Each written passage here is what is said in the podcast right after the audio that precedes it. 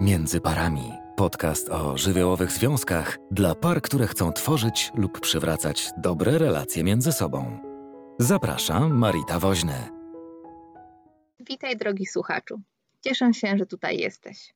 Dzisiejszy odcinek podcastu będzie nieco inny niż zwykle.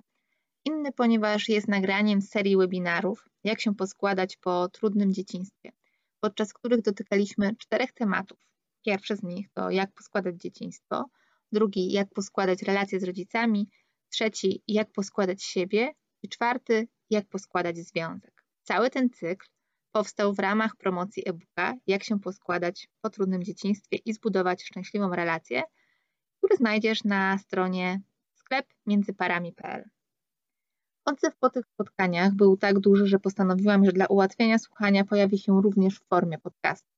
Jeżeli chcesz obejrzeć całe nagranie razem z prezentacją, którą do tego przygotowałam, wejdź na międzyparami.pl w zakładkę prezenty. Tam dodatkowo będziesz mieć możliwość pobrania dodatkowych, bezpłatnych materiałów wzmacniających przejście tego procesu, o którym opowiadam. A te webinary w formie wideo znajdziesz również na YouTubie Między Parami. Ten cykl to długi i intensywny materiał, także usiądź wygodnie i zaczynamy. Ten podcast to pierwszy odcinek z tej serii. Dzisiaj rozmawiamy o dzieciństwie. Przygotowując w ogóle ten materiał, bardzo mocno zastanawiałam się, jakie treści umieścić tutaj e, na tym webinarze, żeby i zaspokoić ciekawość nowych osób, które dołączyły, ale też odpowiedzieć na potrzeby osób, które są ze mną tutaj na stałe. E, więc e, miałam taki dylemat, ponieważ wiecie, czy osoby, które są ze mną dłużej wiedzą, że lubię dawać dużo tych treści. Czasem może ich jest tak dużo, że, że trudno jakoś je pomieścić gdzieś w sobie na raz, e, ale lubię, kiedy to jest kompleksowe. E, I w, w, tym roku, na samym początku roku, powstało wiele takich materiałów na temat wpływu dzieciństwa na związek, i to była e, naprawdę totalna petarda, w takim sensie, że mnóstwo osób było tym zainteresowanych, uczestniczyło w takim cyklu webinarów Wewnętrzne dziecko w dorosłym związku. One były płatne. E, do dzisiaj dostaję zapytania, czy ten cykl się powtórzy, czy, czy będę do niego wracać, więc jakby na żywo nie, ale dzisiaj też dla tych osób, które czekają, włączymy na pewno do tego e-booka, który e, jest promowany poprzez te spotkania, e, webinary właśnie w tym temacie. I krótko po tych spotkaniach na temat wpływu e, dzieciństwa na związek, a potem wewnętrznego dziecka w dorosłym związku, powstały takie bezpłatne spotkania na, na, temat DDA i DDD w związku, na które zaprosiłam Julię Kawalec, która jest psychologiem, psychoterapeutą, terapeutą uzależnień i specjalizuje się właśnie w terapii par, e, nie, nie par, tylko terapii osób e, właśnie DDA i DDD. E, I z nią razem przeprowadziłam pięć spotkań, które są cały czas dostępne, do których możecie wrócić. I one się mocno koncentrują na takich właśnie trudnych też aspektach. Zależało mi bardzo, żeby nie jakby zawęzić tego tematu tylko do tematyki DDA i DDD, Dlatego ten temat, który dzisiaj jest, czyli trudne dzieciństwo, i zaraz powiem, co mam na myśli, mówiąc trudne dzieciństwo, obejmował też jakby szerszą część, bo mimo tego, że rzeczy, które znajdziecie w tych y, webinarach y, właśnie, które przeprowadziłam z Julią, jakby dotyczą trudnego dzieciństwa, to wiele osób też na początku się z tym nie identyfikuje, no bo nie jest na przykład z rodziny alkoholowej albo nie postrzega siebie jako osoby z rodziny dysfunkcyjnej. I dzisiaj też będę chciała Wam pokazać takie przykłady, które na pierwszy rzut oka w ogóle nie wyglądają jak rodzina e, dysfunkcyjna, wręcz jak rodzina właśnie taka w cudzysłowie normalna. E, więc pewne rzeczy ominę, pewne rzeczy już powiedziałam, wyczerpałam temat, tutaj 10 godzin jest do słuchania, możecie do tego spokojnie wrócić. Powiem Wam jeszcze też w trakcie, gdzie różnych rzeczy możecie słuchać, więc ja tych treści nie będę już powtarzać. Będę mówiła nowe rzeczy, starałam się też powiedzieć rzeczy, które nie są w e-booku, e, ale trochę, żeby do tego e-booka, jak się poskładać i zbudować szczęśliwą relację, nawiązać. I mam nadzieję, że to, co będziemy robić tutaj na spotkaniach, będzie uzupełniać też pracę osób, które zdecydują się na zakup e-booka. E, I to będzie taki kompleks właśnie e, tego, takiej samopomocy, którą możecie sobie właśnie dawać. Więc mam nadzieję, że to Wam się spodoba samego człowieka. Od 10 e, lat, jak pracuję w gabinecie, to nie spotkałam drugiej takiej samej historii, nawet jeśli ona była jakoś zbieżna, to przeżywanie i sposób radzenia sobie danej rodziny był zupełnie inny, choć w niektórych aspektach podobny. Dlatego też w moich materiałach na pewno nie znajdziecie konkretnych wskazówek, co macie robić, co też jak się osoby pojawiają w gabinecie, to czują pewnego rodzaju rozczarowanie. Mam nadzieję, że do Was zaraz po tym rozczarowaniu przyjdzie to, co do osób, które w gabinecie przychodzi, czyli poczucie ulgi, a potem siły, ponieważ w moich treściach staram się dawać takie materiały, do których można wrócić z czasem, trochę w innym kontekście, trochę z innymi problemami, e, po to, żeby e, samemu sobie móc różne rzeczy opracować, czyli dam Wam takie narzędzia i pytania, które zadałabym Wam w gabinecie, na które możecie poszukiwać sobie odpowiedzi. Ja trochę Wam pomogę e, tych odpowiedzi poszukać, powiem jak to zrobić, w jaki sposób dokładnie, będziecie mogli nawet sobie to tutaj robić na bieżąco, więc możecie już teraz przygotować sobie kartkę i długopis, trochę przestrzeni osobistej i półtorej godziny czasu na to, żeby e, właśnie mm, móc to ze spokojem zrobić, bo będzie potrzebna spokojna głowa. Myślę, że harmonogram jest Wam mniej więcej znany, więc ja go tutaj e, nie będę opowiadać. Dzisiaj powiem tylko dzisiaj, co się będzie działo, króciutko, e, że będziemy mówić właśnie o trochę, będziemy uruchamiać wspomnienia, będziemy układać te puzzle drzewa zawsze takiego rodzinnego, wracać do dzieciństwa. Nie będziemy się zajmować tylko i wyłącznie rodzicami, chociaż dzieciństwo tak nam się kojarzy. Głównie rodzicami będziemy zajmować się za tydzień, a potem będziemy zajmować się e, naszą tożsamością i takim poskładaniem siebie po tych różnych doświadczeniach, które e, w kontekście dzieciństwa czy w kontekście rodziców nas się pojawiły i nie jest nam za bardzo wygodnie z tym, jak jest i pewne rzeczy chcielibyśmy zmienić, więc tutaj się zatrzymam na dłużej, bo to jest takie ważne spotkanie, ale nie da się go zrobić bez tych, tego dzisiejszego i bez tego, które jest w przyszłym tygodniu. Czyli jak to robić, żeby nie odłączać się od siebie na rzecz innych osób, jak bronić swojego prawa do swojego świata wewnętrznego, jak wzmacniać siebie e, jak budować własne, e, własną tożsamość, e, wtedy, żeby siebie jakoś wspierać, a, a odsuwać jakby te wszystkie naciski, granice, które inne osoby też próbują przekraczać. Więc na pewno o tym będziemy mówić. I ostatnie spotkanie, na które bardzo się cieszę, bo zawsze wplatam wątki par i związków, no to będziemy sobie podsumowywać te różne schematy przenoszone z dzieciństwa na związek, różnego rodzaju takie koluzje, czyli mówiąc bardziej po ludzku, to są e, uwikłania, które wchodzą w pary, pary żebyście też umieli oglądać to, dlaczego takich macie partnerów czy partnerki, a nie innych e, i dlaczego kolejne wybory są bardzo podobne, ale co ważne, co się dzieje też na terapii, żeby odróżniać wasze głosy od głosów waszych rodziców. Tak? Do gabinetu jak para przychodzi, to przychodzi tak naprawdę wszystko ze swoimi rodzicami również gdzieś tam w tle. E, no to tyle. E, krótko się przedstawię dla tych osób, które są pierwszy raz i mnie nie znają. Ja się nazywam Marita Woźna, jestem psychologiem, psychoterapeutą. Pomagam parom budować i przywracać lepsze relacje, ale też przywracać lepsze relacje z samym sobą, jak widać, i tworzyć ten most pomiędzy przeszłością, naszym dzieciństwem, a teraźniejszością, żeby w tym dzieciństwie się nie zakopać na zawsze i w tych trudach, tylko żeby właśnie się móc poskładać.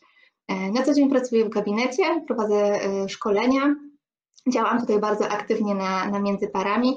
Organizowałam konferencję Rozwód i co dalej e, w zeszłym roku, a także kilka innych bezpłatnych cyklów, które znajdziecie w zakładce prezenty na Międzyparami. No i mnóstwo bezpłatnych treści, bezpłatnych kursów mailowych, szkoleń, webinarów. Znajdziecie też mój podcast na wszystkich platformach podcastowych. No i taki kompleksowy, dzisiaj ktoś mnie zapytał, jeszcze nie zdążyłam odpowiedzieć, e, czy rzeczy, które są w sklepie, to są mm, tym samym, co na stronie, czy to jakoś uzupełnia, więc e, to jest kompleksowa wiedza, która jest w sklepie. Myślę, że wiele rzeczy takich merytorycznych znajdziecie na pewno na Międzyparami bezpłatnie, ponieważ to pomaga mi też realizować moją misję, którą mam, żeby docierać do par, które nie mogą sobie pozwolić na przykład na taką formę pracy z terapeutą, a bardzo by chciały coś zmienić. Też do osób indywidualnych, które z różnych względów chciałyby coś zmieniać, ale z różnych powodów nie mogą e, pozwalać sobie na to.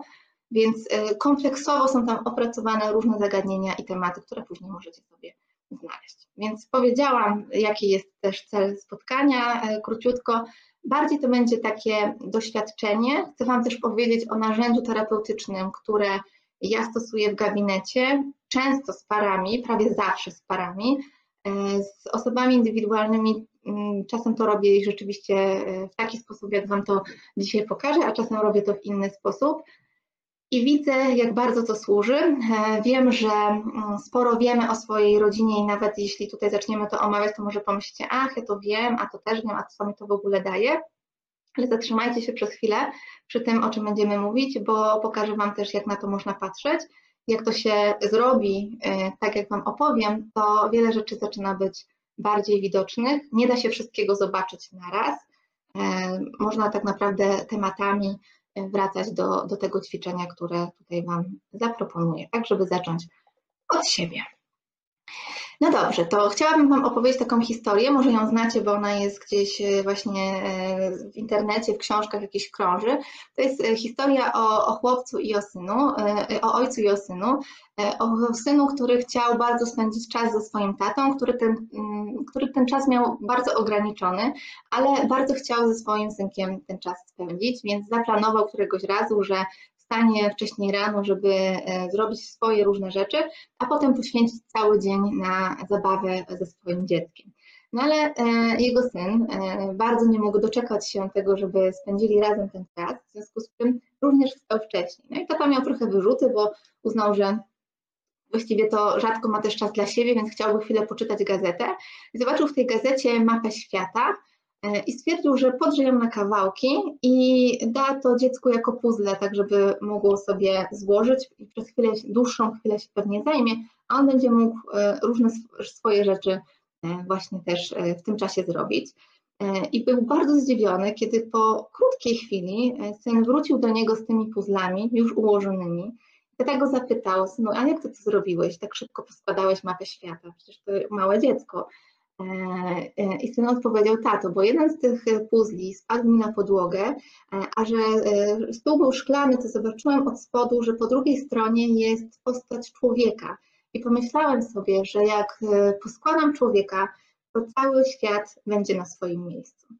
Więc to jest taka metafora tego, dlaczego właściwie należy zaczynać od siebie, od poskładania siebie. Wtedy cały świat też dostosowuje się do tej zmiany ale też potrzebuje czasu i też tak to funkcjonuje w naszych y, rodzinach.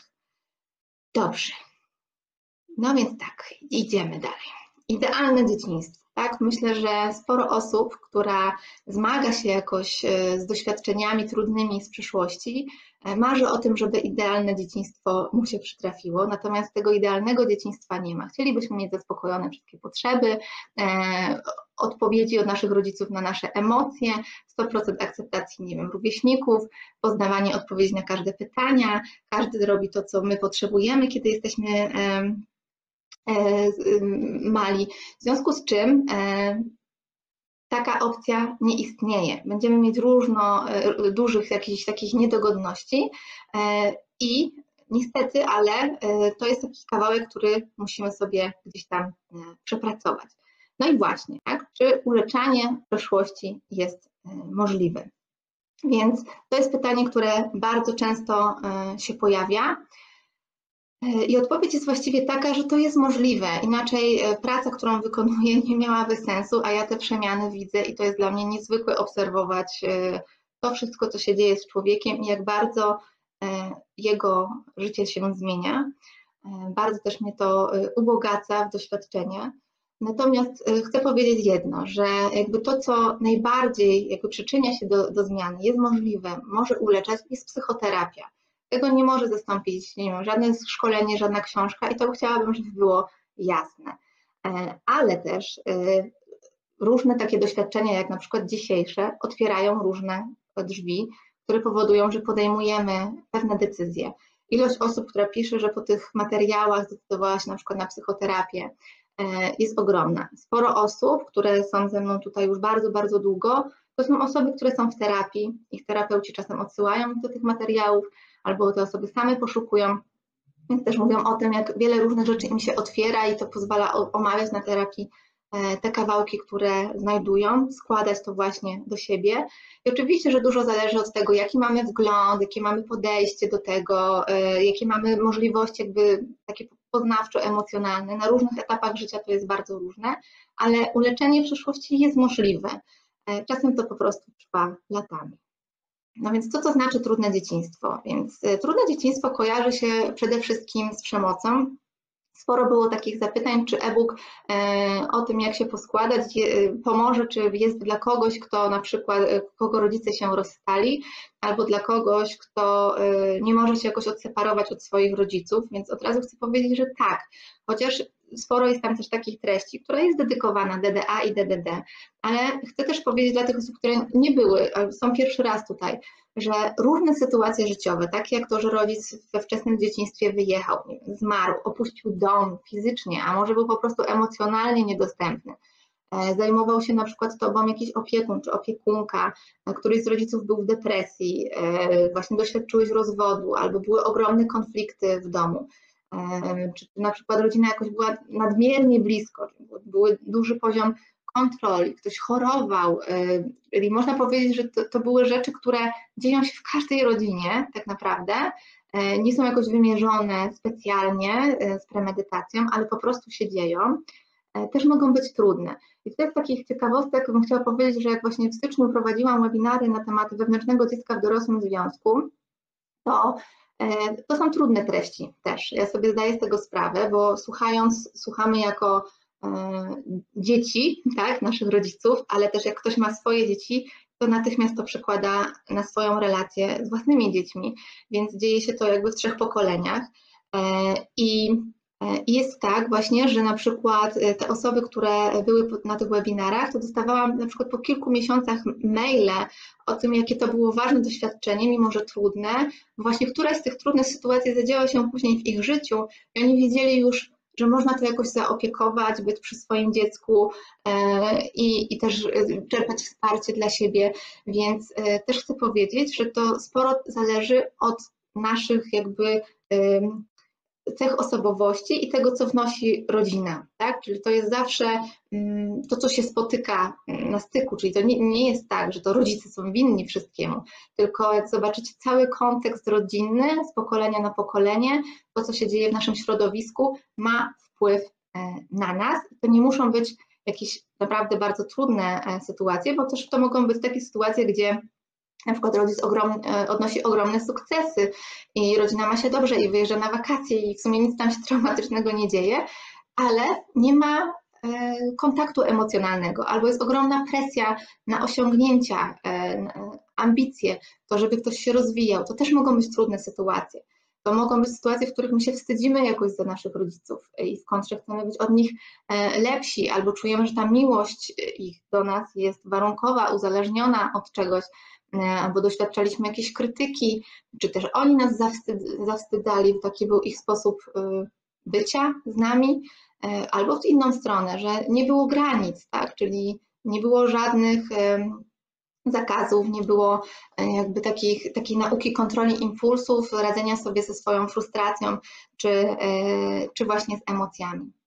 I konsekwencje tego trudnego mm, dzieciństwa są takie, że my w życiu dorosłym, to też można sobie poobserwować, tak, że ktoś na przykład odsuwa, e, przeżywa, e, odsuwanie przeżywa jako odrzucenie, albo walczy o to, żeby inne osoby od niego się nie odsunęły, żeby nie odeszły, żeby były e, właśnie zawsze czy też wybiera partnerów takich, którzy nie są w stanie się zaangażować, bo to są e, partnerzy niedostępni właściwie emocjonalnie, bo albo są w związkach, albo żyją w innym mieście, e, albo samemu nam jest trudno wejść w takie relacje, albo boimy się być e, samotni, wchodzimy w relacje, które kompletnie nam nie służą, czy też pociągają nas relacje, które są chłodne i nie możemy zaspokoić tych wszystkich potrzeb, które byśmy chcieli.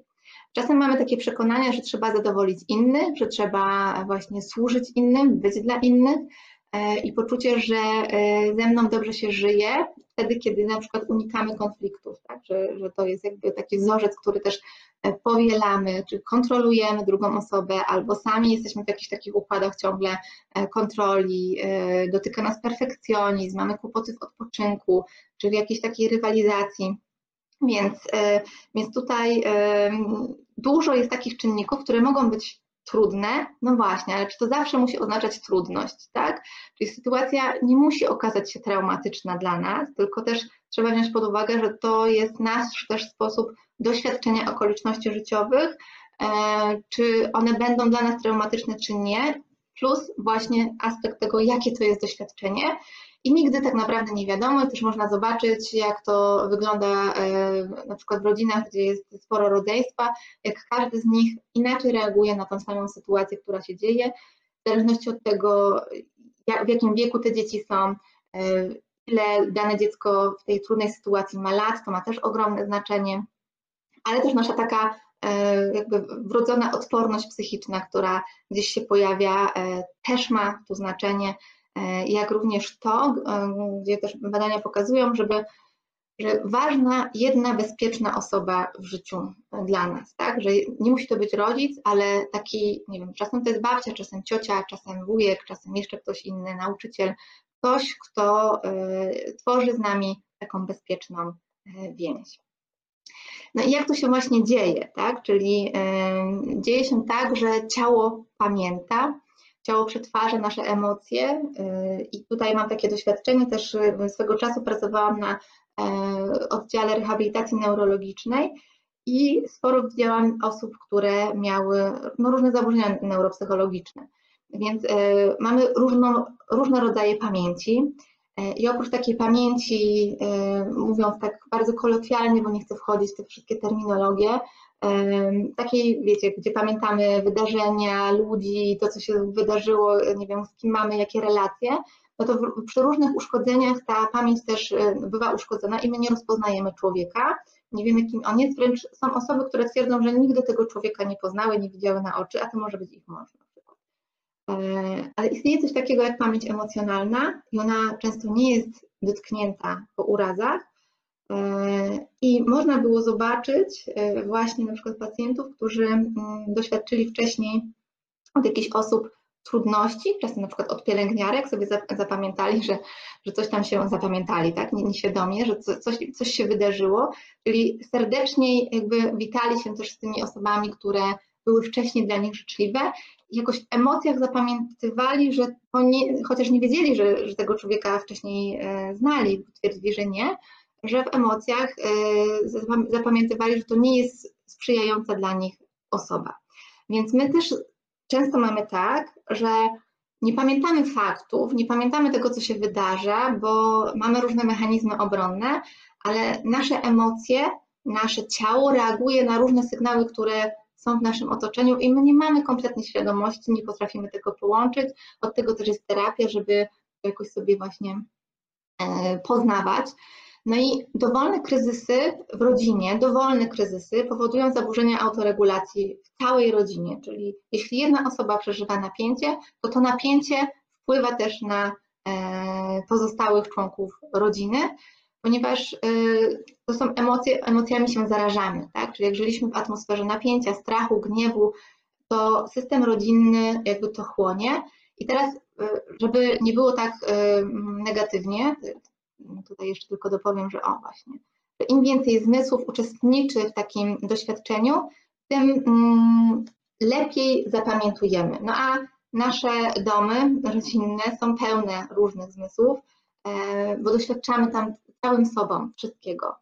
Mm, I właśnie, żeby nie było tak e, całkiem e, źle i traumatycznie, to też chcę powiedzieć, że to działa w drugą stronę, czyli jeśli ja dokonuję zmiany i wymaga ona ode mnie wysiłku, ale ja pracuję nad sobą, to ten system też musi się do tej zmiany jakoś dostosować. Najczęściej to jest tak, że jak ktoś zaczyna nad sobą pracować, to ktoś mówi tak, w głowie ci się poprzewracało, ta terapia, nie wiem, nie jest dla ciebie, naczytałeś się jakichś głupot psychologicznych, e, jesteś nienormalny, tak? I jeszcze jest większy atak, no wtedy jak ktoś jeszcze nie czuje się gotowy na taką zmianę, to mówi, to nie działa, to jest bez sensu i się poddaje, a to nie jest do końca dobry trop, nie? Czyli znaczy, jak nie jesteśmy gotowi, to nie jesteśmy gotowi i już. Ale dobrze też mieć taką świadomość, że to jest taki moment, w którym ci ludzie tak naprawdę nam mówią, halo, widzę, że coś ci się zmienia, mi się to nie podoba, bo tak jak było, to było ok dla mnie. A teraz to, co się zmienia i zachowujesz się inaczej, to to przestaje być dla mnie ok. I nie umiem widzieć tego, że to tobie może służy. Więc trochę to neguję, żeby wrócić do równowagi i do porządku. Więc nie poddawajcie się tak szybko, kiedy ktoś wam mówi, że zmiana e, nie następuje, bo to wy w środku najbardziej czujecie, czy coś wam służy, czy wam nie służy. I tutaj chciałabym pokazać wam taką e, metaforę e, kartki, na chwilę wyłączę tą prezentację. sobie ją wezmę, tylko mam nadzieję, że nie będzie tak nadmiernie szeleściło przy tym mikrofonie. Więc możemy sobie wyobrazić, że to jesteśmy właśnie my, tak? Tą, tą kartką jesteśmy my i, I, wszystko, co będę robiła z tą kartką, to są nasze doświadczenia, tak? Czyli na przykład jesteś beznadziejny, jesteś głupi, do niczego się nie nadajesz. To jest na przykład jakieś rozstanie rodziców, E, alkohol w domu, przemoc, e, wyśmiewanie ze strony rówieśników. Tak? Te wszystkie trudne sytuacje, które mówi, jesteś winna czemu, do niczego się nie nadajesz, nie wiem, nie, nie powinno cię tutaj być, nie lubię cię, e, powinieneś się zmienić, tak? Sprawia, że my zaczynamy się zmieniać e, i wszystko w nas uderza bardzo mocno. E, no i możemy pozostać sobie w tym miejscu takim, i część osób w takim miejscu, to opowiadam, omawiam też w schematach, właśnie w e-booku omawiam różne schematy, no, w których funkcjonujemy. Nie da się ich wyczerpać wszystkich, bo jest naprawdę ich ogrom, ale jednym z nich jest na przykład to, że my e, z tego miejsca nie podejmujemy działania, bo mamy, jesteśmy już tak zgnieceni przez doświadczenie, e, że wydaje się, że już nic nie można z tym zrobić i prowokujemy inne osoby, o właśnie widzę, że na czacie piszecie jakieś zdania, musicie napisać, jakie to są zdania właśnie dla Was, które, które słyszeliście. I prowokujemy na przykład innych e, do tego, żeby nam pomagali, żeby nas wyciągali. No i ten ktoś nam, no dobra, ktoś tu ciągnie i nam pomaga, ale to za bardzo tak nie idzie, bo my to musimy robić sami, w swoim tempie. Jak się tak za bardzo oprzemy na kimś, to ta kulka no, przyczepi się do kogoś, do, do innej kulki. Nawet się, jakbym miała tutaj o drugą, drugą kulkę, to one by się nawet mogły fajnie scalić i, i przez pewien czas te związki nawet świetnie działają i to jest tak zwana koluzja, którą będę omawiała na czwartym spotkaniu. E, potem ciężko jest się oczywiście odkleić od tego, e, ale my najpierw tu musimy zrobić porządek, tak? Czyli jak zaczynamy pracować nad sobą, nad, nad, swoimi kawałkami, to zaczynamy e, prostować, układać, składać te swoje doświadczenia, no i nigdy nie jesteśmy już tą samą osobą, którą e, byliśmy wcześniej. Tak? Czyli już widać te, te zranienia, widać te dotknięcia tych różny, różnych osób, mm, które tutaj się pojawiły na tej kartce, ale możemy dalej funkcjonować, nie? Dalej możemy funkcjonować. To nie znaczy, że na przykład terapia wymarzy te wspomnienia albo wymarzy e, ból. Wymarzy na pewno wiele, E, ale nie całkiem, w sensie może to zło, złe słowo, że wymarzy, bo ona nie wymazuje, ona tak naprawdę pozwala sobie lepiej z tym radzić. E, no i takie też narzędzia chcę Wam tutaj dać, no, takie, które można dać, które są jakoś do, do pracy własnej i tymi się dzielę i taki mam plan na, na dalszą część tego naszego e, spotkania. Mhm, to tutaj tylko dopowiem, że właśnie w dzieciństwie jest y, wiele y, elementów, wiele rzeczy, wiele doświadczeń, wiele e, relacji, które nas kształtują, ale nawet jeśli były trudne, to dzięki poznawaniu źródeł, świadomym decyzjom, pracy nad sobą możemy zredefiniować własną tożsamość. Naprawdę możemy to zrobić, tak? I czerpać z przeszłości to, co się w nas wzmacnia. E, I, i uczyć się tego wzmacniania. I, i naprawdę e, zawsze mnie ta zmiana porusza. E, trochę ubolewam nad tym, że ja jako terapeuta ja nie mogę się z Wami tymi zmianami dzielić wprost, e, bo to by było nieetyczne. Nie mogę też dzielić się swoimi kawałkami, więc opowiadam tak jak potrafię, na różnych przykładach, czerpiąc z tego doświadczenia. Więc e, dzisiaj też Wam opowiem o jakiejś historii, ale którą sama skomponowałam i wymyśliłam, żeby nie naruszać tutaj żadnych innych cudzych e, historii i mam nadzieję, że to e, Wam też pomoże. I zanim przejdę do przykładowej historii, takiej case study, które sobie przygotowałam i na nim będziemy tego narzędzia używać, tak żebyście mogli też sami sobie to zrobić, to chcę powiedzieć trochę o radzeniu albo nieradzeniu sobie z trudnymi mm, doświadczeniami, które mamy, czyli trochę takimi e, rzeczami, które e, robimy, czyli radzimy sobie albo sobie nie radzimy, w zależności kto jak e, o tym powie. Tak? Czyli czasem mając takie trudne doświadczenia właśnie z, e, z dzieciństwa, jesteśmy podatni na huśtawki emocjonalne, tak? Nie jesteśmy w stanie regulować swoich emocji, szybko wchodzimy w uwikłanie, bardzo szybko e, zarażamy się emocjami innych osób, nie stawiamy granic, w związku z czym to był taki pierwszy punkt też, który na pewno w e-booku znajdziecie z ćwiczeniami do tego, jak można się tym zajmować i opiekować, taki punkt wyjścia jak to robić, zwłaszcza właśnie jeśli chodzi o stawianie granic toksycznym osobom. Inna rzecz to jest tłumienie emocji, czyli bardzo dużo osób zaczyna, można powiedzieć, tak jak może wy, E, czyli od poznawania, gdzieś tam coś usłyszy, coś się dowie, najpierw się sprzeciwi, jest jakiś, nie wiem, rodzaj buntu, e, czasami u niektórych osób, że nie, w ogóle to mnie nie dotyczy, e, ale to pracuje. To są małe ziarenka, które gdzieś tam są zasiane i one kiełkują. Może macie takich partnerów czy partnerki, które, o których możecie powiedzieć, że one nie wyrażają swoich emocji, nie wiem, milczą na przykład, albo nie mają zaangażowania emocjonalnego to jest ten rodzaj tłumienia emocji. My się nauczyliśmy tak radzić z trudnym doświadczeniem, tak? Czyli są osoby, które mają huśtawki emocjonalne, są osoby, które po prostu się zamrażają i wycofują. Część osób, to już wspomniałam, e, ma na przykład taką wyuczoną bezradność, czyli takie poczucie przytłoczenia, że żadna sytuacja nic nie zmieni. E, I wtedy właśnie tak jak z tą kartką, że inne osoby próbują jakby coś tutaj zrobić, ale okazuje się, że ta osoba nie rusza z miejsca. Na 100% będzie miała argument, zawsze jakiś, E, podważający to, co chcecie zrobić, tak? Czyli rady nie działają, dlatego ja rad żadnych tutaj nie daję, bo zawsze można je podważyć, ale to zawsze. Czyli wychodzimy od logiki i przechodzimy do emocji. E, ta osoba musi też chcieć sama zrobić to. My możemy być wsparciem, ale często e, wchodzimy na przykład w związku w taki układ, że ta jedna osoba ciągnie tą drugą, próbuje ratować, leczyć. My wchodzimy w te schematy też tak komplementarnie do siebie, e, że być może w przyszłości byliśmy ratownikiem e, któregoś z rodziców albo rodziców w ogóle, e, a po drugiej stronie mamy kogoś, kto potrzebuje tego uratowania, bo ma jakieś trudne doświadczenia.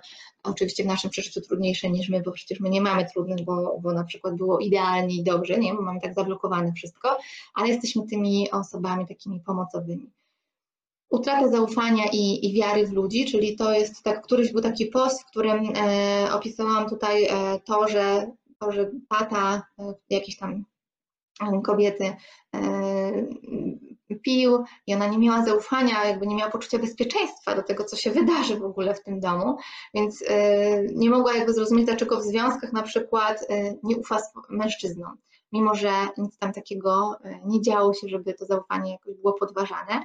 I bardzo trudno jest to połączyć. Przecież to nie są oczywiste rzeczy, nikt nas tego nie uczy, więc ja dzisiaj będę chciała Wam pokazać, jak można to łączyć. Tak? I to, to, co omawiam, też już może być takim elementem, w którym możecie się zastanawiać, jak Wy reagujecie na trudne sytuacje, w jaki sposób. Tu też nie są wszystkie rzeczy wymienione, e, których doświadczamy.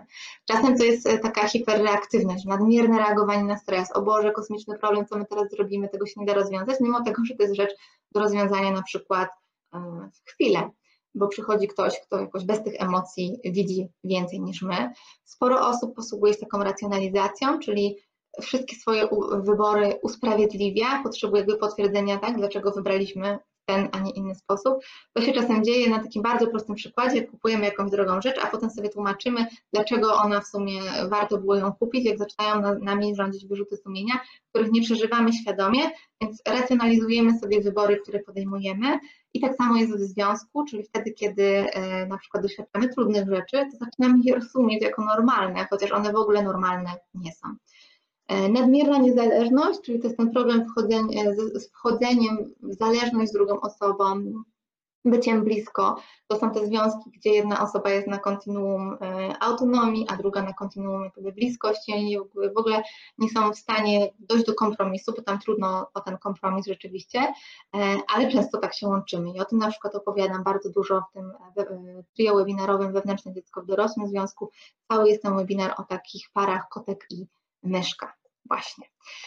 No i na to wszystko jeszcze e, nakładamy takie zaleczanie, tak? Czyli robimy e, coś, albo przynajmniej próbujemy robić rzeczy po to, żeby mm, nie przeżywać emocjonalnie. Teraz e, przeanalizujcie sobie, jak Wy sobie radzicie ze stresem, mm, kiedy wracacie po całym dniu z pracy. Co Wy robicie? Co to są za jakieś takie punkty, tak? Najczęściej, najczęściej, to będę teraz trochę wymyślać, ale to jest tak, albo jest włączona, nie wiem, jakaś gra, telewizor, jakiś tam drink, e, jakieś jedzenie. Mm, zwykle to są takie mm, rzeczy, które nie do końca nam dziś służą, ale też nie muszą być od razu jakoś trudne. Natomiast gdyby zrobić test, mm, taki, że przez na przykład dwa tygodnie czy trzy tygodnie nie robimy tych rzeczy i sprawdzamy, co się dzieje z naszym ciałem jak my reagujemy. No wystarczy, od, od, jeśli wiemy słodycze, wystarczy odstawić słodycze, naprawdę. Widać po prostu, jak jesteśmy też od tego uzależnieni, tam działa cały ten ośrodek kary i nagrody w mózgu, więc my ciągle chcemy więcej tej przyjemności. Tak radykujemy sobie napięcie, w związku z czym odcinamy się od naszego ciała i w ogóle go nie słuchamy. Tak? Zapracowujemy się z poczuciem, że jeszcze nasze granice przecież nie zostały przekroczone, bo jeszcze aż tak nie czujemy zmęczenia, no ale co się stanie, jak się zatrzymamy, tak? Czy wpadniemy właśnie w nostalgię, często e, osoby w gabinecie mówią, że to jest jakiś rodzaj pustki, że to będzie depresja, że to będzie po prostu rozkład pełen e, i uciekają właśnie w działanie przez to, więc obserwujmy też, jak my radzimy sobie z trudnymi, mm, z trudnymi sytuacjami. Pytanie jest takie, gdybyś miał spojrzeć, czy miałabyś spojrzeć na całą swoją rodzinę, mamy tatę, babcię, dziadka, ciotka, ciotkę, wujka, e, jakieś tam inne siostry, brata, e, kuzynostwo, wszystkie takie osoby, które są jakoś blisko ciebie, w twoim obrębie, e, możesz pokoleniem się gdzieś tam cofnąć, też część osób może właśnie już się zorientować, że za bardzo nie ma kontaktu w ich rodzinie, tak daleko, pokoleniowo. Co dziedziczysz w Twojej rodzinie? Co się w Twojej rodzinie dziedziczy? Jaka to jest rzecz? Czy to jest siła, czy to jest ambicja, czy to jest słabość, czy to jest wytrwałość, czy to na przykład jest pracowitość, bo wszyscy pracowali, e, a może podejrzliwość, bo wszyscy tacy byli, a ten nam zazdrości, a, ten jest przeciwko nam, a z tym to nie można rozmawiać na przykład. Czy tam jest lęk, a może w drugą stronę, wszyscy podejmują jakieś zachowania ryzykowne. Napiszcie, jak ktoś pisze tu, że wszystko po trochu, dajcie znać yy, takie jedno, co Wam przykuwa jakoś tu uwagę, to może być coś z tego slajdu, który widzicie, ale może macie jakieś inne słowo w głowie, to, to możecie napisać, co to jest, co dziedziczysz w Twojej rodzinie. To jest yy, bardzo ważne pytanie, bo na przykład jeśli doświadczam yy, silnego lęku, to może się okazać, że w ogóle w mojej rodzinie wszyscy przeżywają ten lęk. To można zaobserwować w bardzo różnych sytuacjach, tak? E, czy jak tam, nie wiem, dziadkowie obchodzą się z dziećmi e, naszymi na przykład, tak? Albo jak to było kiedyś, jak sobie babcia z dziadkiem radziła, co, co oni robili, czy podejmują wyzwania, czy, czy raczej ich unikają, co to jest takiego. Bardzo często to jest na przykład właśnie lęk, bo to też wynika z czasów, w których nasi dziadkowie e, żyli.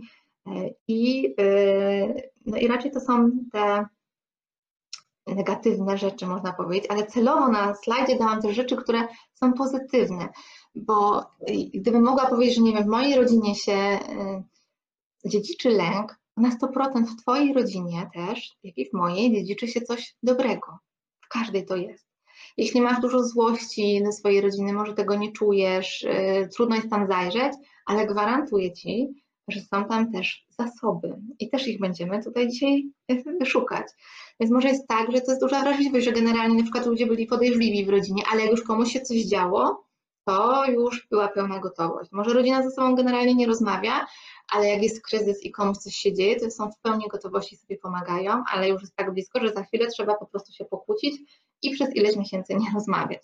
Więc y, to są takie pomieszane rzeczy, w których trzeba się mocno zagłębić, żeby zobaczyć, co tam się y, dzieje. Więc co wy tu piszecie? E, czyli tak, wytrwałość, empatię, pracowitość, wrażliwość, wszystkiego po trochu, nieufność, dociekanie prawdy, lęk w sytuacjach podbram, podbramkowych, nadwrażliwość, napięcie, o, kompulsywne jedzenie, picie. Dla mnie to jest bardzo trudne pytanie. Może dotyka czegoś ważnego. Nie musisz znaleźć odpowiedzi na nie teraz. Możesz je zostawić sobie na potem a walka między lękiem i ryzykiem, czyli taką ambiwalencję, skrajności może jakieś, niepokój, ambicje, brak bliskości, kontaktów z rodziną bliższą i dalszą. O, muszę, muszę, o, muszę, muszę, to myślę, że wiele, wielu z nas ma to muszę w swoich kawałkach. Dobra, to idziemy dalej. To mam kolejną metaforę dla Was. E, możecie ją zrobić na różne sposoby. E, jak ktoś sobie przygotował na samym początku kartkę i długopis, to możecie wziąć tą kartkę i długopis. Ja będę tutaj prezentowała Wam zdjęcia. Możecie na nie patrzeć i chciałabym, żebyście podejmowali takie szybkie decyzje, impulsywne, bez zastanawiania się głębszego nad tym, no, czy to, czy to. Będą dwie rzeczy do wyboru, które trzeba będzie wybrać. I chciałabym, że najlepiej będzie w sumie, jak sobie to spiszecie, tak dla Was, bo potem będziecie mogli sobie to e, przeanalizować już po webinarze, każdy, na, każdy po swojemu. E, ale jeśli nie masz kartki, nie masz długopisu, to e, jak Ci lepiej, jesteś wzrokowcem, lubisz patrzeć, to, to możesz patrzeć na prezentację, ale dla takich doznań też możesz zamknąć sobie oczy i popatrzeć, gdzie Ci bliżej, do którego słowa, które będę wypowiadała. No więc jak wygląda Twoje drzewo? Czyli jeśli sobie wyobrazisz swoją rodzinę jako drzewo, tak? Wyobraź sobie całą Twoją rodzinę, wszyscy, którzy tam w niej są, z którymi się spotykasz, z którymi się nie spotykasz. Jak to drzewo wygląda? Gdybyś miał je, czy miała namalować na kartce, to jakie sobie wyobrażasz, jakie ono byłoby? E, no idziemy dalej, zaraz będę je, je czytała. Rozpędziłam się, a tu mam jeszcze slajd, ale do niego wrócę. Jakie ono by było? Wysokie czy niskie? Wysokie czy niskie? Możesz też pisać na czacie, jeśli chcesz. To też popatrzymy, jakie drzewa e, mamy tutaj, rodzinne. Wysokie czy niskie? Rozłożyste czy wąskie?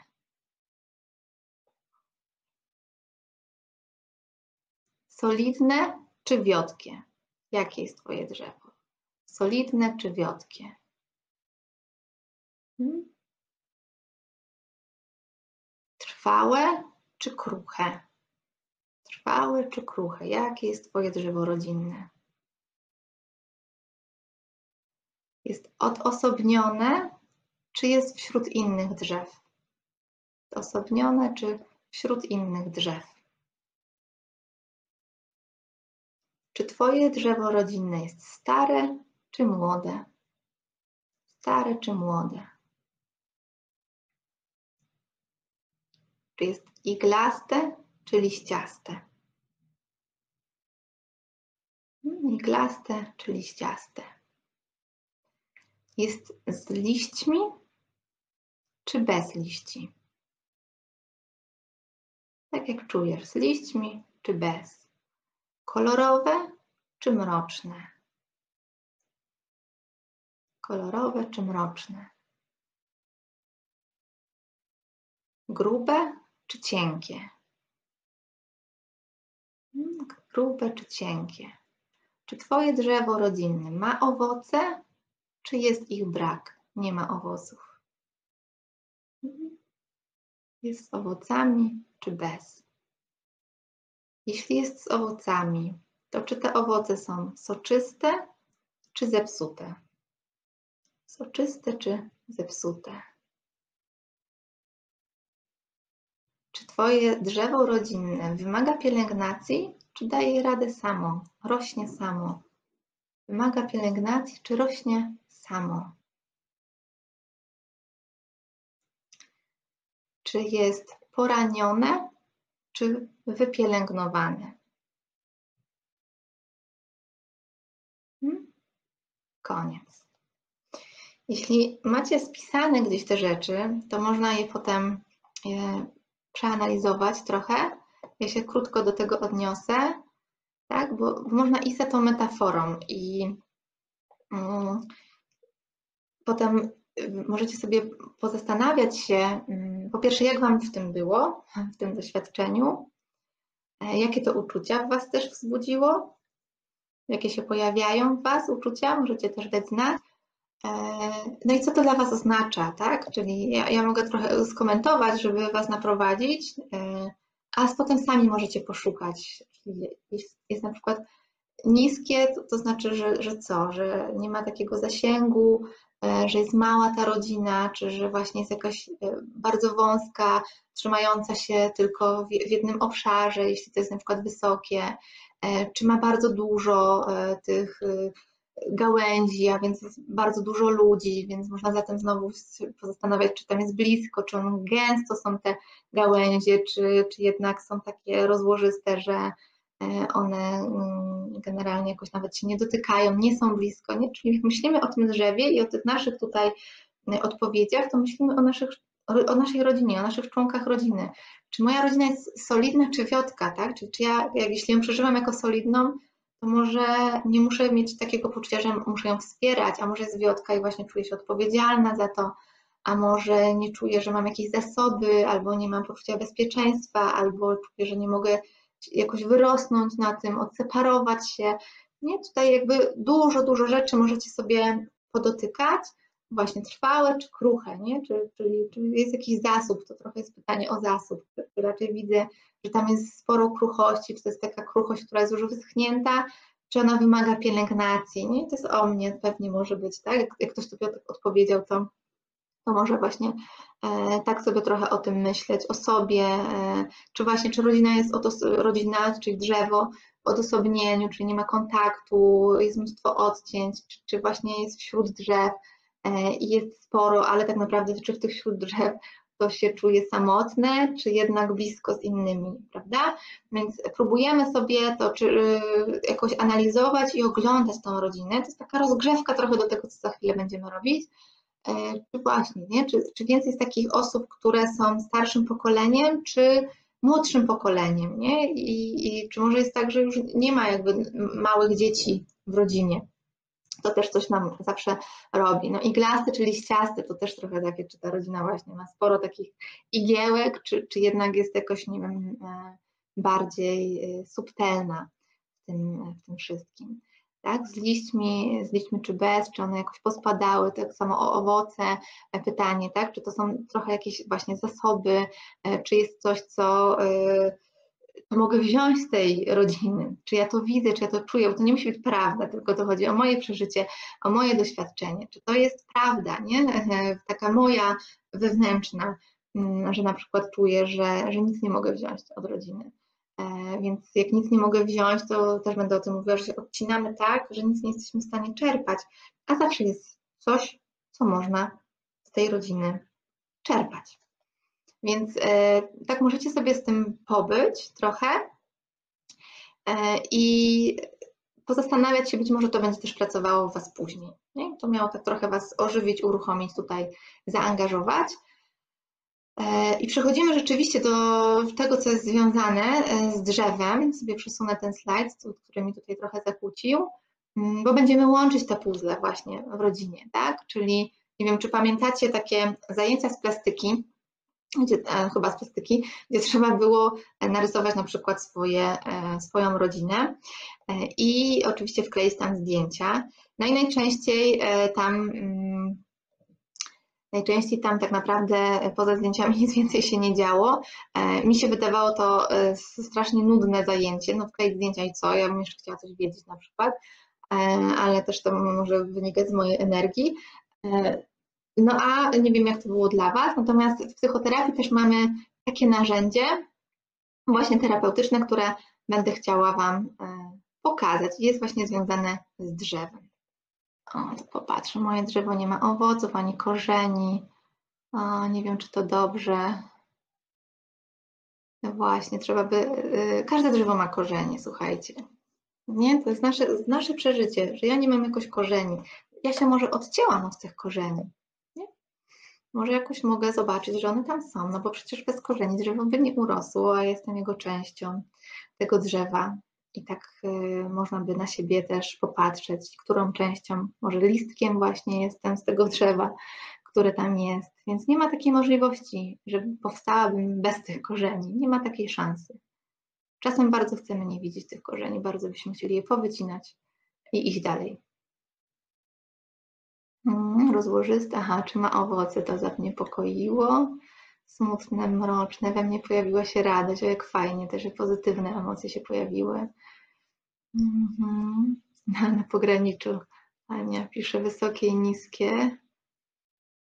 Okej, okay. stare, kruche, niskie, wiotkie, wypielęgnowane. O właśnie, to tak wiecie, to w tym można, w tym metaforii można pójść sobie dalej. Czy jak wypielęgnowane, to czy ja też mam taką presję, że to musi być wiecie, w moim życiu wypielęgnowane, co musi być wypielęgnowane, co moja rodzina pielęgnuje, nad czym się tak koncentruje, tak akurat tu mi się e, pojawiło. No właśnie, czyli pobawcie się trochę tymi opisami potem. Nie? Dobra, idziemy dalej. Genogram.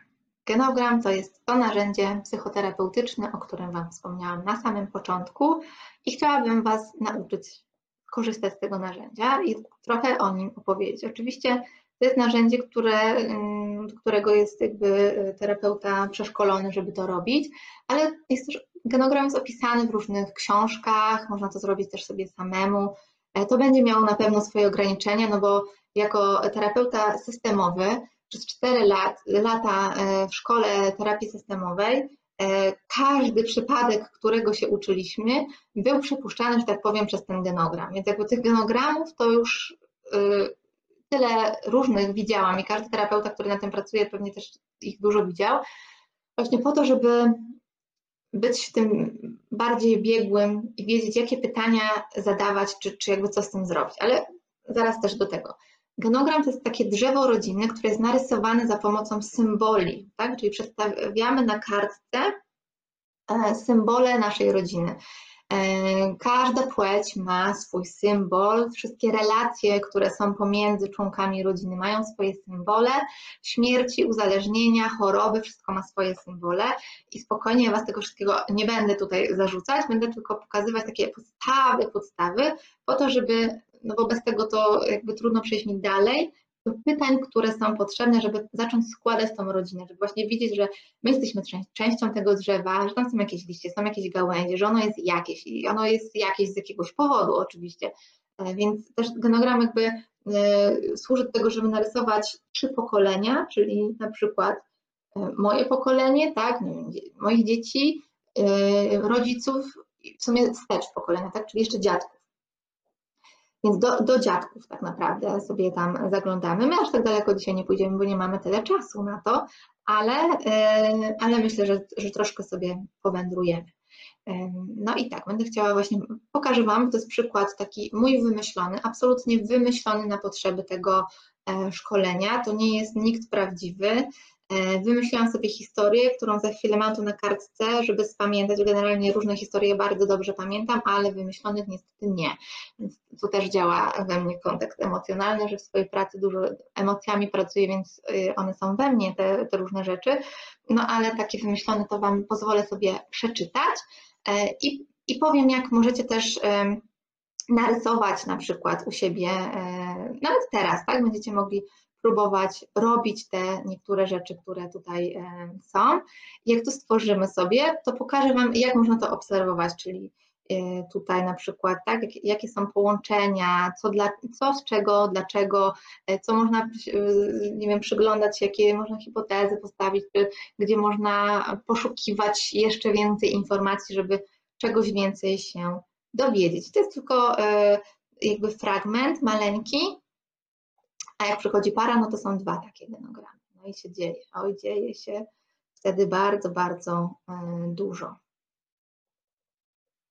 Więc co jakby można też zyskać przez to narzędzie? Czyli po pierwsze można zrozumieć źródło swoich trudności, więc wszystko to, co ja Wam opowiadam na różnych tam, nie wiem, live'ach, webinarach, kursach, które są dostępne, piszę w e-bookach, to to y, jest jakby w głowie się na przykład dzieje, czy w opowieści, a tutaj będziecie mieć to namacalne, czyli właśnie jak przychodzi na przykład taki człowiek sobie do gabinetu i nie bardzo może sobie zrobić te różne połączenia, jak ja zaczynam to rysować na kartce, to, jest czasami taki efekt o rany, to tak, tego to nie widziałem, nie? Albo tak na to nie patrzyłam, w życiu tego nie widziałam, przecież wiem to wszystko, a jakoś tak to inaczej wygląda. Więc mam nadzieję, że po tym dzisiejszym spotkaniu też będziecie mogli powiedzieć, że Wam też coś inaczej wygląda i że chociaż jednej rzeczy z tego się e, dowiecie. E, też można pooglądać różne wzorce, które są przekazywane z pokolenia na pokolenie, mity, e, zrozumieć, dlaczego wybraliśmy na przykład takiego, a nie innego partnera, czemu nam jest trudno się dogadać z tym partnerem, z dzieckiem, zrozumieć zach- powody zachowania danej osoby. Tutaj miałam na myśli nas samych, ale jeśli to robimy w parze, czyli druga osoba też e, się temu przygląda i rysujemy wspólny ten genogram, to naprawdę to jest źródło nieocenionej wiedzy. No czasem się znajduje takie e, trupy ukryte w szafie w rodzinie i to jest takie ciekawe, że jak na przykład para przychodzi do gabinetu i rysujemy ten genogram, to okazuje się, że ja zadaję różne pytania jednej strony na, na, na dany temat i, i też potem pytam drugą stronę, tak równolegle sobie biegnie i w pewnym momencie na przykład się okazuje, że nie wiem, pani nie zna faktów na temat swojej rodziny, ale pan zna różne tajemnice, do których pani nie ma dostępu albo odwrotnie, tak? Czyli że, że to jest takie poplętane, uwikłane, no, mnóstwo różnych emocji tam może się gdzieś dziać. Jestem przekonana, że wy też po pierwsze o sobie y, y, wiele nie wiecie, ja też nie wiedziałam, y, ale można się dowiedzieć. E, I, I tak naprawdę całe życie można się do tego narzędzia odnosić.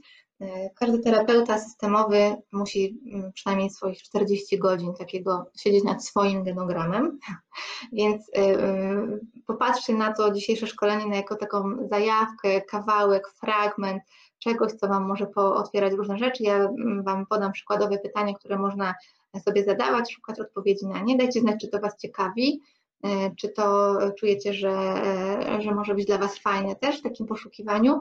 Nie martwcie się o to, że czegoś nie będziecie wiedzieć. Też Wam powiem, co z tym można zrobić, jak się czegoś nie wie. E, I, e, no i do tego możecie wrócić. Najpierw polecam robić to samemu e, sobie, dla samego siebie, a jak poczujecie się z tym jakoś lepiej, to możecie to zrobić w parze, w sensie umówić się na taką, na taką randkę, w której będziecie się tym dzielić. I też na końcu dam takie ćwiczenie dla par. Piszecie, że bardzo ciekawe. Super. No to dobrze. No i tutaj mam takie, mm, takie, takie e, ćwiczenie. Mm, jeśli nie znasz swojej historii, to nie wiesz tak naprawdę nic. Jesteś liściem, który nie wie o tym, że jest częścią drzewa. Tak, czyli, czyli, czyli tutaj e, właśnie to jest to, o czym ja powiedziałam też e, przed chwilą, że właśnie jesteśmy częścią tego, tak? I nam się wydaje, że, że nie jesteśmy tą częścią, jeśli mamy takie poczucie, że albo nas odcięli, albo my się odcięliśmy, a tak naprawdę e, no zawsze jesteśmy, nie? Jak, jakąś, oj, kogoś tu wyświetliłam, jakąś częścią większej części. Więc Was jakoś mnie to poruszyło ten, ten, ten cytat. Wydaje mi się taki bardzo fajny do tego, co tu będziemy robić. No i e, jaki, zawsze trzeba, tak, na, na, temat genogramu można rozmawiać naprawdę, nie wiem, godzinami to nie, ale nawet dniami, więc warto sobie zadać takie zawsze pytanie, po co ja to robię, e, tak, czyli co ja się chcę tak naprawdę dowiedzieć, jakie pytanie chcesz sobie zadać, co chcesz wiedzieć, co chcesz zrozumieć na temat swojej rodziny, czy nie wiem, dlaczego jesteś w takim związku, albo jak w Twoim domu e, e, radzono sobie ze złością, albo czemu mi jest trudno z bliskością, jak to było właśnie u mnie, e, dlaczego wybucham, jakie to były rzeczy też w przeszłości, które by mogły na to wpłynąć, czemu związki się nie udają, albo czemu, nie wiem, rozwodzę się kolejny raz, czy nie wiem, mam jakieś objawy psychosomatyczne, to bardzo dużo w tych pokoleniach też można e, tego zobaczyć. I przeczytam Wam taki przykład e, Agaty, który przygotowałam. Mm, I, i posłuchajcie, mm, posłuchajcie e, tej historii. Jeszcze się odniosę, tak Gosia pisze, niestety historia jest taka, że nie mam ochoty być jej częścią. No to jest bardzo trudne, słuchajcie, bo możemy nie mieć ochoty, ale jesteśmy tą częścią.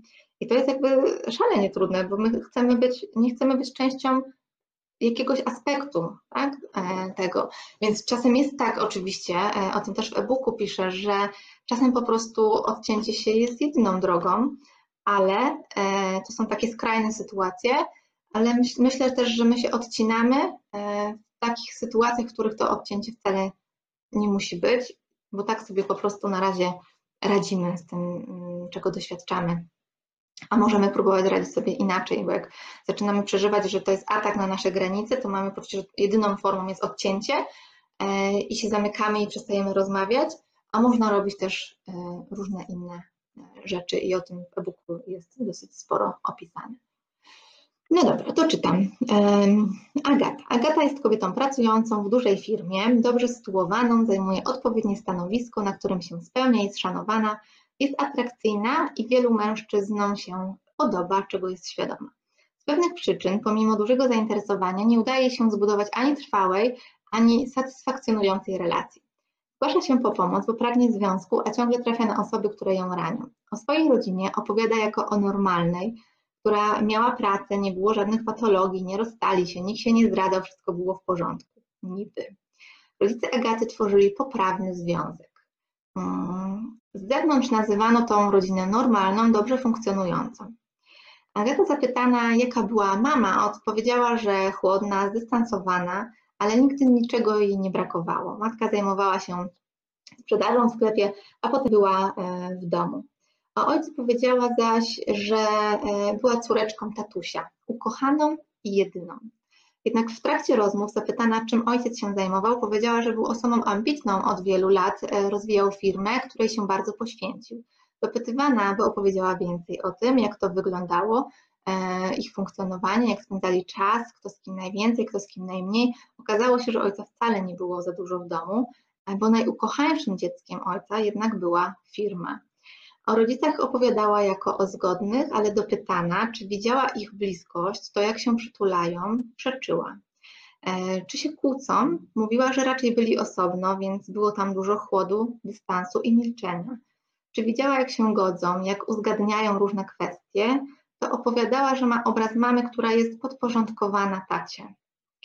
Zapytana, czy uważa, że mama była szczęśliwa, ze smutkiem przyznaje, że nie. A tata również nie. A co ona sądzi? Czy można zbudować w ogóle szczęśliwy związek? Wydaje jej się, że nie. Czego więc szuka w relacjach, co by oznaczało, że e, ona e, jest w szczęśliwym związku, skoro w jej życiu takiego e, nie było w jej rodzinie. Nauczyła się też, że aby nie zostać odsuniętą i zranioną, musi być silna, musi sobie radzić, nie może polegać na mężczyznach. I choć mama nigdy nie powiedziała tego wprost, choć tata spełniał swoje obowiązki jako ojca, to jednak widzenie ich jako nieszczęśliwych daleko od siebie sprawiło, że uznała, iż by nie być jak matka, która w jej poczuciu jest nikim i dała sobą rządzić, musi robić inaczej. Nie umie e, oprzeć się e, o mężczyznę, prosić go o pomoc, być zależną od niego, więc za każdym razem, kiedy angażuje się i czuje nieświadomie, że staje się zależna, zaczyna widzieć w nim mnóstwo wad, które nie pozwalają jej się zaangażować, ale na poziomie świadomym twierdzi, że e, po prostu oni nie pasują. E, testuje i sprawdza, czy zostaje odrzucona. Tak naprawdę pragnie, żeby e, ktoś w tym wytrwał. Tata zawsze traktował ją lepiej niż mamę, tak jak jej się wydawało, ale irytowało ją, gdy brat brał zdanie mamy pod uwagę, kiedy ona go o coś prosiła. Nauczyła się, że zdanie mamy się nie liczy i sama patrzyła na nią trochę z pogardą, trochę z rywalizacją, nie wiedząc też, że w życiu dorosłym właśnie jej relacje z rodzicami układały się średnio, e, jej relacje z kobietami układały się średnio, nie łączyła tego z jej relacją z mamą i często właśnie z nimi rywalizowała, a ponieważ była atrakcyjna, to nauczyła się, że może często czarować i to czarowanie pełniło funkcję władzy, kontroli nad związkiem, nad relacjami, nad zaangażowaniem. Przynajmniej tak jej się wydawało, bo wewnątrz ciągle pragnęła potwierdzenia, że jest wyjątkowa i ważna dla kogoś i co rusz przekraczała swoje granice, aby utwierdzić się w przekonaniu, że e, choć na chwilę, e, na dany moment jest dla kogoś ważna, by potem znowu być zranioną. E, I to jest taki wymyślony przykład, ale e, pokazuje właśnie bardzo, że wcale nie musi tam być nic takich traumatycznych rzeczy, że może być trochę zaniedbań, trochę e, nieobecności, trochę jakichś układów, które po prostu ze sobą współgrają. I tak współgrają, plus cechy osobowościowe nasze, które też wnosimy do tego układu i całe otoczenie społeczne, w którym jesteśmy, że nie, e, nie jesteśmy świadomi tego, e, jak to się ze sobą właśnie mm, łączy, jak to na siebie wpływa. I e, ja do tej historii będę się e, odwoływać tutaj w trakcie jeszcze, bo chciałabym, żebyście zobaczyli, bo Wy też macie jakąś swoją historię, której przecież nie będziecie tutaj układać, opowiadać na forum. Macie to w głowie i to wystarczy. Możecie sobie wziąć kartkę, i ten długopis, który miał być przygotowany. I możecie zacząć rysować tutaj, tak, czyli te, te swoje kawałki rodzinne.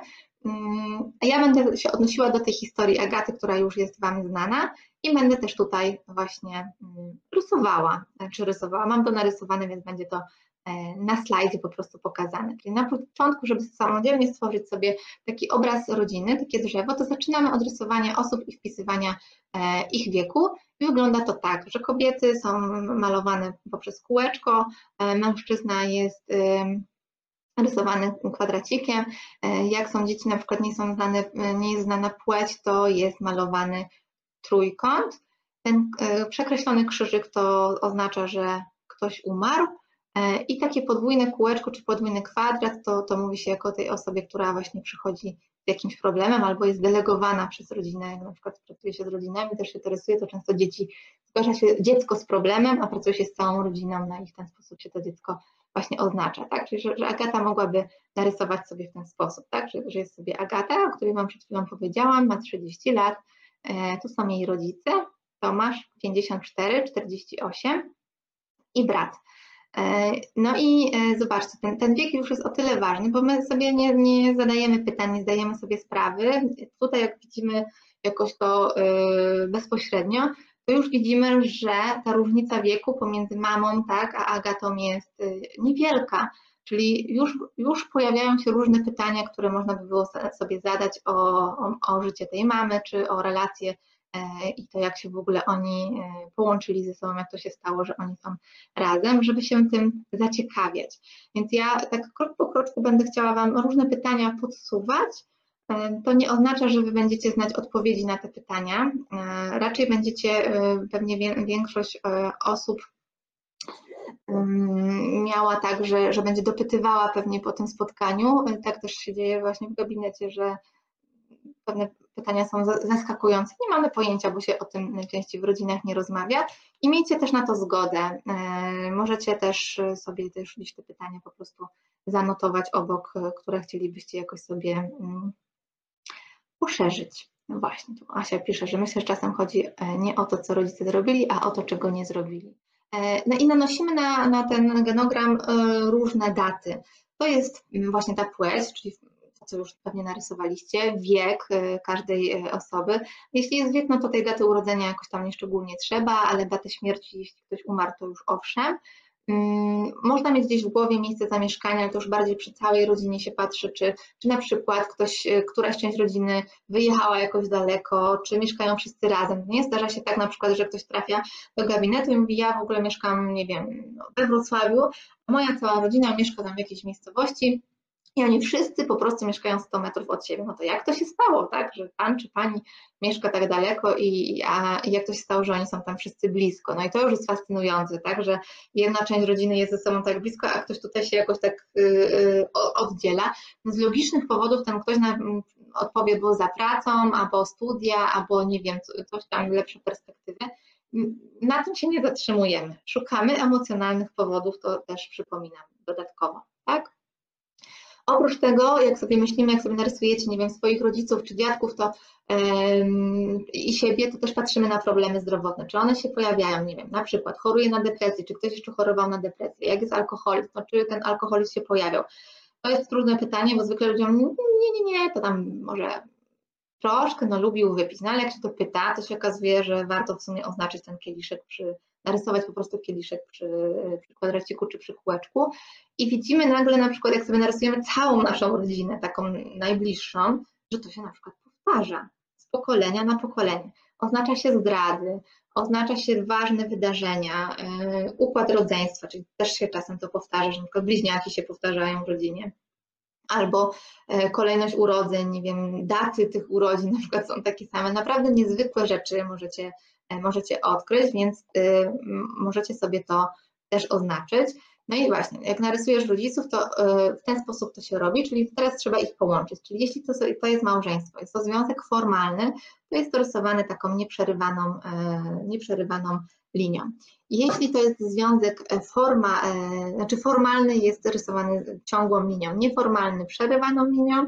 Jeśli jest w separacji, no to mamy jedną kreseczkę, tak, która jest o tutaj. E, jeszcze to sobie może powiększę Wam, żebyście to widzieli lepiej.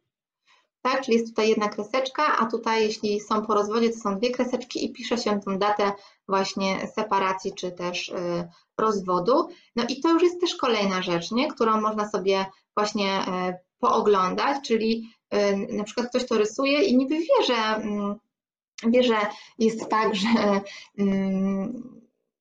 niby były tam rozwody w domu rodzinnym, ale tak naprawdę jak to się jak to się, spróbuję jakoś to jeszcze poszerzyć Wam. O, może tak. Zobaczmy, piszecie, że niewyraźnie. O, to tutaj pokażę. Myślę, że będzie lepiej. Powolutku. Jak to się zobaczy, to jest jakoś tak inaczej, prawda? E, że się okazuje, że na przykład z pokolenia na pokolenie jest separacja albo jest rozwód, albo właśnie nie ma rozwodów, a wszyscy są nieszczęśliwi i mimo wszystko tkwią dalej e, w tych relacjach, w tych, w tych związkach. No i e, tak, czyli Agata sobie rysuje właśnie o, w ten sposób, w ten sposób e, swoją rodzinę. Będę to powiększać po prostu, bo nie dało się tego zrobić w e, inny sposób. Nie? Tu powinnam napisać datę ślubu e, tych rodziców, czyli na przykład to jest nie wiem, 18 lat temu właśnie, więc jeśli to jest 18 lat temu i widzę, że tu już jest w tym, w tym samym czasie, tak, się pojawia też dziecko, no to już można pytać, nie? czy ślub był właśnie z, z powodu dziecka, e, czy, to, czy oni wcześniej o tym to planowali, jak to w ogóle właśnie e, się odbyło, czy nie wiem, czemu tak wcześnie, nie? czy to było planowane, nieplanowane, jak rodzice zareagowali na ciążę, jak zareagowali też na to, jak dziecko, czyli wy na przykład, czy potem kolejne rodzictwo pojawiło się e, w domu, nie? czy ktoś tam, nie wiem, chorował, cierpiał, radzili sobie, nie radzili, e, rodzice jakoś pomagali, nie pomagali, czy jest różnica, jeśli chodzi o wykształcenie, to też już widać. Tutaj taki mały fragment, ale jak sobie narysujemy też całą rodzinę, no to możemy widzieć, czy my się jakoś wyłamujemy z tego, czyli na oporze na przykład nie będę, nie wiem, kończyć studiów powiedzmy, tak? Mm, jak to jest? I to jest taka, już nawet z takich demograficznych y, rzeczy można bardzo, bardzo dużo, y, dużo właśnie się y, dowiedzieć. To są też jakieś powtarzające się wydarzenia, tak? jakieś krytyczne na przykład że, że się okazuje, że w tym samym czasie to się dzieje, mimo tego, że to inne pokolenie, tak, czyli każde pokolenie ma tam swoją linię, w swojej linii się to e, umieszcza, że na przykład ktoś tracił pracę za każdym razem, kiedy był w podobnym wieku, albo zmieniał tą pracę, albo było mnóstwo przeprowadzek, albo były jakieś jeszcze inne trudne e, wydarzenia. To też e, na przykład jeśli chodzi o tą nieobecność, tak, że nie, kogoś nie było e, w domu, nie rodzic poszedł do pracy, a my byliśmy nie wiem, w żłobku, czy w przedszkolu, czy, czy i przeżywamy to jako coś właśnie bardzo trudnego, to też jest zawsze pytanie, a jak to się stało, nie? Dlaczego na przykład rodzice wyjechali za granicę i pracowali tam? No w naszym przeżyciu po prostu nas zostawili doszczętnie i koniec, ale czasem jak zapytuję na przykład, czy znam zna ten ktoś powód takiego wyjazdu, to zwykle nie. E, może za pieniędzmi na przykład i, i dlatego, żeby zarobić więcej. No, dlaczego? Czy to właśnie byli, nie wiem, zachłanni, czy dlatego, że mieli jakąś trudną sytuację finansową? Najczęściej dzieci e, są chronione w rodzinie od takich informacji, więc my do dorosłości też wchodzimy z brakiem takich informacji, a potem się okazuje, że na przykład były jakieś trudy, e, o których nie wiedzieliśmy. E, podobnie jest po rozwodzie, czyli nie wiem, dziecko wychodzi z przekonaniem, że tata się na, na, przykład, bo to najczęstszy jest model, że tata się nie interesował, a okazuje się że przez 20 lat pisał listy, które dziecko nie dostawało, albo że um, ojciec w ogóle się, nie wiem, rodzice żyli um, oddzielnie, w sensie razem w jednym domu, ale oddzielnie i, i, i płacili, nie wiem, tam sobie alimenty na utrzymanie, w sensie, że, że jest takie poczucie, że właśnie ojciec nie płacił. A mm, skąd ta pewność? No, bo na pewno nie, bo on się w ogóle niczym nie interesował, no ale trzeba by na pewno, tak? Czy to jest jakby wyobrażenie, czy to jest fakt jakiś, więc, więc te fakty też warto sobie sprawdzać, bo wielokrotnie też y, y, kiedy pytamy swoją rodzinę o takie rzeczy, to weryfikują nam się te wszystkie wyobrażenia na temat naszej rodziny i nagle się okazuje, że na przykład ten tata płacił regularnie, bez spóźnień i jakby był jakoś, nie wiem, zainteresowany obecny i to zmienia absolutnie perspektywę dorosłego człowieka na temat jego doświadczeń z przeszłości. Czyli tak naprawdę wszystko, wszystko, tak? Czyli ja teraz trochę tu popędziłam, ale jak wy sobie narysujecie nawet też swoich dziadków, to poprzyglądajcie się w ogóle, jakie są cechy charakterów tych osób czy były właśnie jakieś tam zmiany, bezrobocia na przykład, czy te osoby były, miały satysfakcję z pracy, a może pracowały na dwa etaty i teraz wy też pracujecie prawie, że na dwa etaty i się jakoś z tego nie można wydobyć. Może ta praca w ogóle miała jakieś szczególne znaczenie. Może, nie wiem, nie jest jakiś mezalians, jedni mają wykształcenie, drudzy nie mają wykształcenia e, i to jest dla tej rodziny znaczące i takie szczególne, bo przecież to nie, nie dla każdej z rodziny to będzie miało takie znaczenie, dla, pewnie dla większości nie, ale są takie, w których to dalej istnieje i ten problem jest, tak? Czy to są jakieś osiągnięcia, czy ktoś próbuje gdzieś e, dorównać do, do czegoś, czy się właśnie pojawiały różne choroby, a może jakieś spory o majątki, e, nie wiem, więzienia, jakieś problemy takie socjalno-bytowe. Te wszystkie rzeczy to i tak już jest dużo. Właściwie moglibyśmy się zatrzymać w tym miejscu i to by wystarczyło, tak? Czyli też e, nie na wszystkie pytania trzeba dalej znać sobie, e, jakby sobie odpowiadać, no bo jakbyśmy wrócili sobie do właśnie do tej Agaty, to y, można powiedzieć, że nie wszystkie rzeczy są tam potrzebne, tak? Y, żeby jakoś ją rozumieć, czemu jej te związki nie wychodzą, y, tylko można do części rzeczy wrócić sobie później, a bardziej poprzyglądać się w ogóle relacjom damsko-męskim, tak? Czyli temu, jak to było między rodzicami, jak to było między dziadkami na przykład. I właśnie, jak te relacje między ludźmi można by było oznaczać, Tutaj też powiększę. Aha, tutaj jeszcze jest, jest taki slajd, gdzie pokazuje, jak, jak się rysuje dzieci. Mam nadzieję, że to widać tak dosyć e, teraz. Mm, tak, czyli rysuje się takie kolejne kreseczki w dół i oznacza się dzieci e, od najstarszego do najmłodszego względem płci, wpisuje się te imiona i wpisuje się e, imiona i wiek. E, dzieci adoptowane rysuje się bez tych kreseczek, bez, bez, tych, bez tych e, tutaj e, połączeń. Bliźnięta dwujajowe rysuje się poprzez taki właśnie, trochę jak wisienka to wygląda, a jednojajowe to w takim trochę trójkąciku, tak, czyli dwóch chłopców jednojajowych to się pojawia. I dalej e, ciąża, jeśli ktoś jest w ciąży na przykład, tak, to wpisujemy też wiek tej ciąży. Poronienie oznacza się taką kropeczką e, samoistne, a sztuczne poronienie przekreśla się, tak jak się przekreślało tutaj e, rozwód. Na przykład czy, czy separację, bardziej rozwód, bo to jest jedna, jedna kreseczka. I można też określić na przykład kto z kim e, mieszka wspólnie poprzez właśnie takie tutaj e, taki obręb, takie, takie kółeczko. No i tutaj już też widać, nie? Bardzo dużo, że, że tutaj tak, e, tutaj jakieś po stronie mamy właśnie poronienia, potem e, pojawił się syn kolejny, po stronie taty był właśnie rozwód i jakiś ojczym się też pojawia, nie? Że, że tutaj ktoś też umiera, więc tak można dojść do takiego poziomu narysowania sobie i można się na tym zatrzymać i po prostu najpierw popytać o różne fakty i zastanowić się, czy to się jakoś zgadza z tym, co wiemy na temat swojej rodziny, czy to się nie zgadza, czy, czy się rozmija, jakie mamy też wyobrażenia. Mm, no i e, jak już mamy narysowanych wszystkie, wszystkich członków rodziny, czyli nie wiem, swoje rodzeństwo właśnie i dziadków, to możemy przejść do takiego zastanawiania się, jak ta nasza rodzina w sumie się układa. I tak w, w rodzinie Agaty jest tak, że tam wszyscy są w związkach, e, po jednej stronie tylko było, był rozwód, ale e, są związki, też, też tam jest niedorysowane tak naprawdę, można było tutaj, tak, czy rodzice, e, czy rodzeństwo Tomasza na przykład jest w związku, czy, czy nie jest w związku. Nie, z tego slajdu wynika, że to są samotne osoby, czyli że też trudno sobie ten związek ułożyć.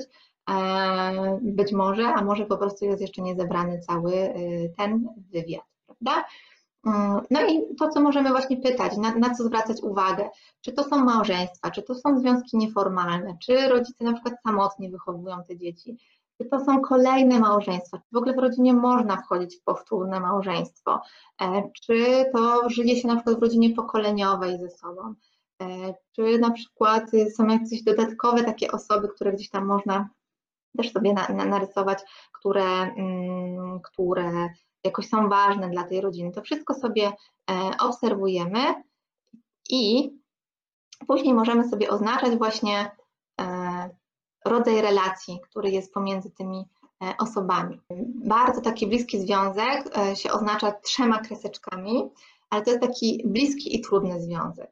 taki bliski, poprawny związek, można powiedzieć, że można oznaczyć dwoma, dwoma kreseczkami, konfliktowy takim tutaj właśnie zygzakiem, a jak jest takie odcięcie i, i nie ma kontaktu z tą częścią rodziny czy z tą osobą, E, to e, oznacza się właśnie takim, taką przestrzenią, o jak, jak, tutaj widzicie, e, czyli kreseczki są jakby oddalone od siebie, ale też może być na przykład zdystansowana relacja, czyli taka przerywana kreseczka i relacja, w której jest i bardzo blisko, i bardzo konfliktowo, czyli taki związek bardzo uwikłany, ta burza się po prostu tam, tam dzieje.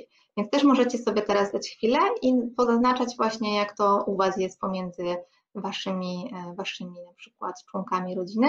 Ja Wam pokażę tutaj na, na przykładzie tej Agaty, tak, czyli że ona z tej historii wynika, że ona jakoś była bardzo blisko tego taty, ale była taka skonfliktowana z tą swoją mamą, tak? E, czyli jak pamiętacie tą historię, to też widzicie, jakie oznaczenie tutaj można stosować, a że e, ja oznaczyłam w sumie, że oni byli odcięci od siebie, a tak naprawdę mogłam w sumie zaznaczyć, że oni byli tacy zdystansowani, nie? Rodzice, rodzice Agaty. E, no i właśnie warto też przyglądać się, jak wyglądają inne relacje, czyli jak mamy rodzeństwo, no to jak to rodzeństwo ma się do naszych rodziców, kto jest najbliżej taty, kto najbliżej mamy e, i później jeśli na przykład tu widzimy, że jest skonfliktowana relacja właśnie z mamą, ale interesują nas relacje pomiędzy damsko-męskie, to po pierwsze warto pooglądać, czy małżeństwo na przykład dziadków, jak, jak to wyglądało, czemu tu się rozstali, albo czy byli szczęśliwi, czy byli ze sobą, czy sobie okazywali miłość, bliskość i tak dalej. E, też takie fajne pytania są, jak się oni poznali, dlaczego tata zdecydował się na, na to, żeby być z mamą. E, my możemy tego nie wiedzieć, możemy dopytać, ale możemy też sami pofantazjować. Czasem to są takie rzeczy właśnie, że ktoś odpowiada, a bo mama była ładna, tata miał poczucie humoru, a czasem jest tak, że a bo oni już w takim wieku, że trzeba było się tam z kimś związać na przykład, albo ach, bo y, na przykład y, mama była w jakimś tam związku i on się nie układał i tata uratował mamę nie? No i to już się robi tak niebezpiecznie trochę, e, zwłaszcza jeśli później na przykład coś, coś tutaj nie wychodzi, więc warto też to potem przeanalizować. Warto przeanalizować, jeśli myślimy o relacjach damsko-męskich też sytuacje, które są związane e, pomiędzy osobami tej samej, e, tej, tej, samej płci. Tak, może się zrobić bałagan trochę na rysunku, ale to spokojnie potem sobie też to jakoś uporządkujecie na większej kartce. Jak pierwszy raz rysowałam genogram, to go rysowałam 50 razy po prostu, bo za każdym razem mi się to nie mieściło, nic nie widziałam i to wymagało rzeczywiście wprawy też tego. Ale właśnie, tak? Czyli, że jeśli ja jestem skonfliktowana na przykład z mamą, to, to ja muszę zobaczyć, jak ona była ze swoją mamą. Czy tam był właśnie, jaka to była relacja. I na początku to jest właśnie pierwsze odpowiedzi zwykle nie są tymi odpowiedziami takimi emocjonalnymi, bo jak się dopytamy, tak, jak to się przejawiało, jak to wyglądało, to e, może się okazać zupełnie inaczej. Często też jest tak, że na przykład mówimy, mm, że no ale dla mnie babcia jest fajna, a mama mówiła, że dla niej taka była chłodna, tak? Więc mamy taki, też, też to może być inaczej, że jak tutaj jest skonfliktowany pomiędzy mamą a babcią, ja mogę mieć, nie wiem, bardzo blisko do babci, przecież to też to może być różnie. E, więc ten sam człowiek jakby jest inny w obliczu e, też e, kolejnych osób, prawda? No i sobie to obserwujemy, e, te relacje. I tu, już, I tu już widać dużo, bo tu już możemy się pytać właśnie, a jak rodzice wyrażali na przykład, jak chcecie na przykład się dowiedzieć, nie wiem, jakie konflikty, jak, dlaczego na przykład e, jest tak, że konflikty się pojawiają, albo sobie w taki sposób wyradzicie, czy nie radzicie, a druga osoba zupełnie inaczej, no to też można się pozastanawiać, tak, jak złość wyrażała mama. To wszystko na przykład w kursie o złości. Te pytania zadaję, teraz jakoś widzicie, czemu one się tam pojawiają w tych wszystkich moich kursach i materiałach i w e-booku też są różnego rodzaju takie pytania, które mają Was sprowokować do poszukania e, różnego rodzaju odpowiedzi, ale właśnie, nie, czy jak oni byli zdystansowani, to czy oni się kłócili, czy się nie kłócili, czy ktoś na przykład wybuchał, a jak ktoś wybuchał, to jak reagowała druga osoba. No na przykład może być tak, że nie wiem, tata wybuchał, a mama właśnie podporządkowywała się, czyli nie, mogłam się nauczyć tego, że ja się nie mogę obronić, więc nie wiem, tkwię w związku, który mi kompletnie nie służy, bo mam poczucie, że po prostu trzeba się godzić na to, co jest. Albo wręcz e, właśnie w drugą stronę, tak, jeśli chodzi, nie wiem, o mężczyzn na przykład, także, że mama była chłodna, w związku z czym trudno też o jakąś bliskość i zaufanie do kobiet, bo jest takie poczucie, że one na pewno jakoś, nie wiem, skrzywdzą. E, I te różne przekonania nam się właśnie stąd biorą. To jest coś niewyrażonego, niepisanego, niepowiedzianego wprost, a jest po prostu w emocjach całej tej historii takiej e, rodzinnej warto się temu przyglądać, tak? Czyli kto na przykład lubił być blisko ze sobą, a kto daleko, tak? Kto chciał się przytulać, a kto nie chciał się przytulać. Takie najprostsze rzeczy. Jak się w domu rodzinnym wyrażała miłość? Czy, nie wiem, pomiędzy Tomaszem a Moniką tutaj u Agaty, czy na przykład oni się właśnie przytulali, czy się całowali, czy, czy można było, tak? Czy nie wiem, czy mama się na przykład krzywiła i w ogóle jej seksualność jakoś zahamowana. Też można sobie wyobrazić, jak, jak wygląda życie seksualne. Czy oni w ogóle mieli życie seksualne, rodzice, według nas? E, czy, czy to ich jakoś, nie wiem, krępowało? Czy okazywali sobie czy tego absolutnie nie można było robić. No i też patrzymy, jak to jest potem w naszych e, w ogóle doświadczeniach, a potem w naszym związku, w kolejnym kroku. Więc mnóstwo, e, mnóstwo mm, jest nam potrzebnych jakby e, takich pytań dodatkowych, na które też możecie sobie sami wpaść, czy, czy się zaciekawiać, a jak to było. Generalnie polecam taką postawę właśnie ciekawości. Jak to było, żeby sobie poszukać, tak? Czy, czy to się powtarza, bo może się okazać, że w pokoleniu dziadków było dokładnie tak samo, że oni też tu byli zdystansowani.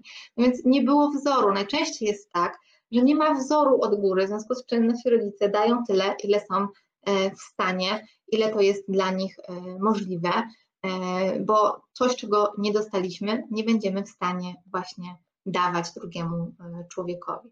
No i zaczynają się te właśnie prace takie poszukiwawcze, jak już to mamy wszystko narysowane, to szukamy, szukamy właśnie sobie mm, dodatkowych, e, dodatkowych pytań. Może się Wam, jakoś teraz możecie czuć, że tego jest bardzo, bardzo dużo. E, ja wiem, że tego jest dużo, zdaję sobie z tego sprawę. Zaraz przewnę szybciutko przez te kolejne, po to, żebyście, już, już właściwie zbliżamy się trochę do końca, żebyście mogli e, później sami do tego na spokojnie wrócić i usiąść i sobie to przeanalizować, nie? Bo nie chciałabym Was zostawiać tylko z taką wyrywkową mm, e, rzeczą. Ale właśnie, jakie są, kto się z kim kłócił, o co były kłótnie w rodzinie, e, a może, nie wiem, ludzie byli zgodni, w ogóle nikt się nie, kupi, nie kłócił i, i, się tylko kwitowało wszystko dobra, nie ma problemu.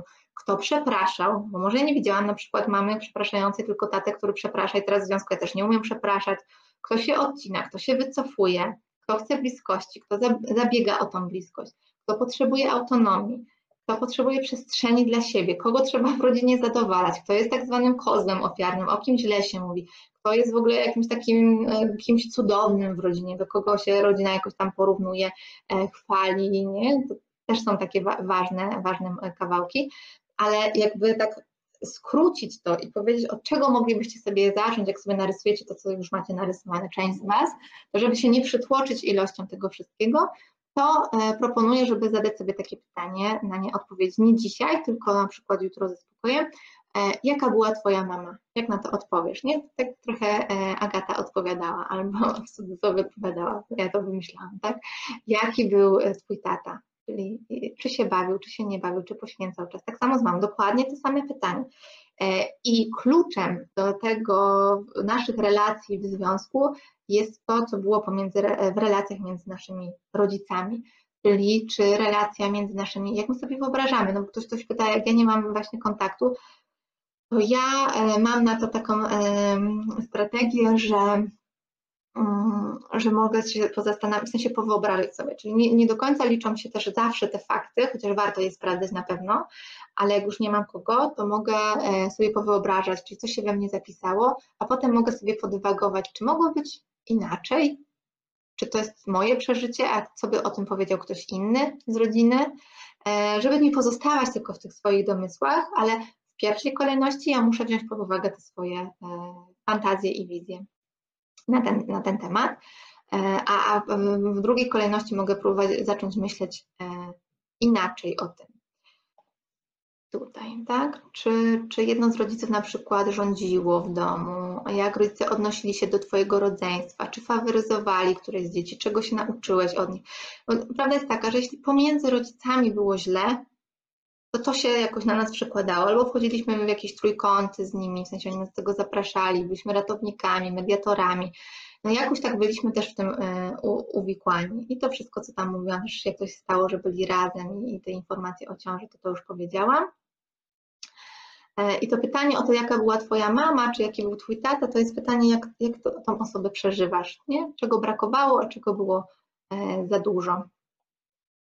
Też warto się zastanawiać, jak te rodziny rodziców się miały do siebie, czy, czy ich rodziny się akceptowały, kto podejmował decyzje, E, jak to był uległy, czasem są takie historie, gdzie ktoś powiada oni w ogóle, że, że uciekli i, i, tak bardzo, nie wiem, byli zakochani, że, że się jakoś odcięli od tych rodzin, nie mieli wsparcia i było im bardzo trudno i z tego były różne konflikty, a czasem w drugą stronę, że na przykład to były małżeństwa, które były po prostu zaaranżowane i, trzeba było i czy, nie wiem, czy to się zmieniło, czy się pokochali, czy dalej jest im jakoś właśnie e, bardzo trudno w tym, Także e, szukajcie, szukajcie e, i nie zatrzymujcie się na tym. Tu piszecie, że nie ma kogo zapytać. E, znam osoby, które na przykład szukają w różnych dokumentacjach, w listach, w zdjęciach. Też Wam to bardzo polecam. Zaglądać do zdjęć, sprawdzać, jak to tam właśnie wygląda. To tak jakie właśnie przekazy o kobietach, e, jaki przekaz o kobietach jest od mamy, jaki przekaz o kobietach jest od ojca, tak? Czyli to też jest bardzo ważne. I, w drugą stronę o mężczyznach od ojca, od matki, od babci, od dziadka i tak dalej, i tak dalej. Więc te wszystkie rzeczy sobie tutaj um, analizujemy e, i możemy sobie sprawdzić, czy na przykład ktoś miał też podobny kłopot do nas teraz, który mamy w, naszym życiu. Czasem ktoś przychodzi i mówi, ja tak się czuję i tak, i ktoś w mojej rodzinie e, też tak się kiedyś czuł i tak, takie miał problemy i został na przykład nie wiem, wygnany z tej rodziny, tak, odseparowany. Ja się tego boję, że jak się nie wiem, przyznam do tego, e, nie wiem, czasami dotyczy to orientacji seksualnej albo dotyczy to jakichś nie wiem, wyborów, e, preferencji, zawodu nawet, że, że zostanie się jakoś wykreślonym z tej rodziny i takie rzeczy się też dzieją, więc to też warto na to zwrócić sobie mm, uwagę.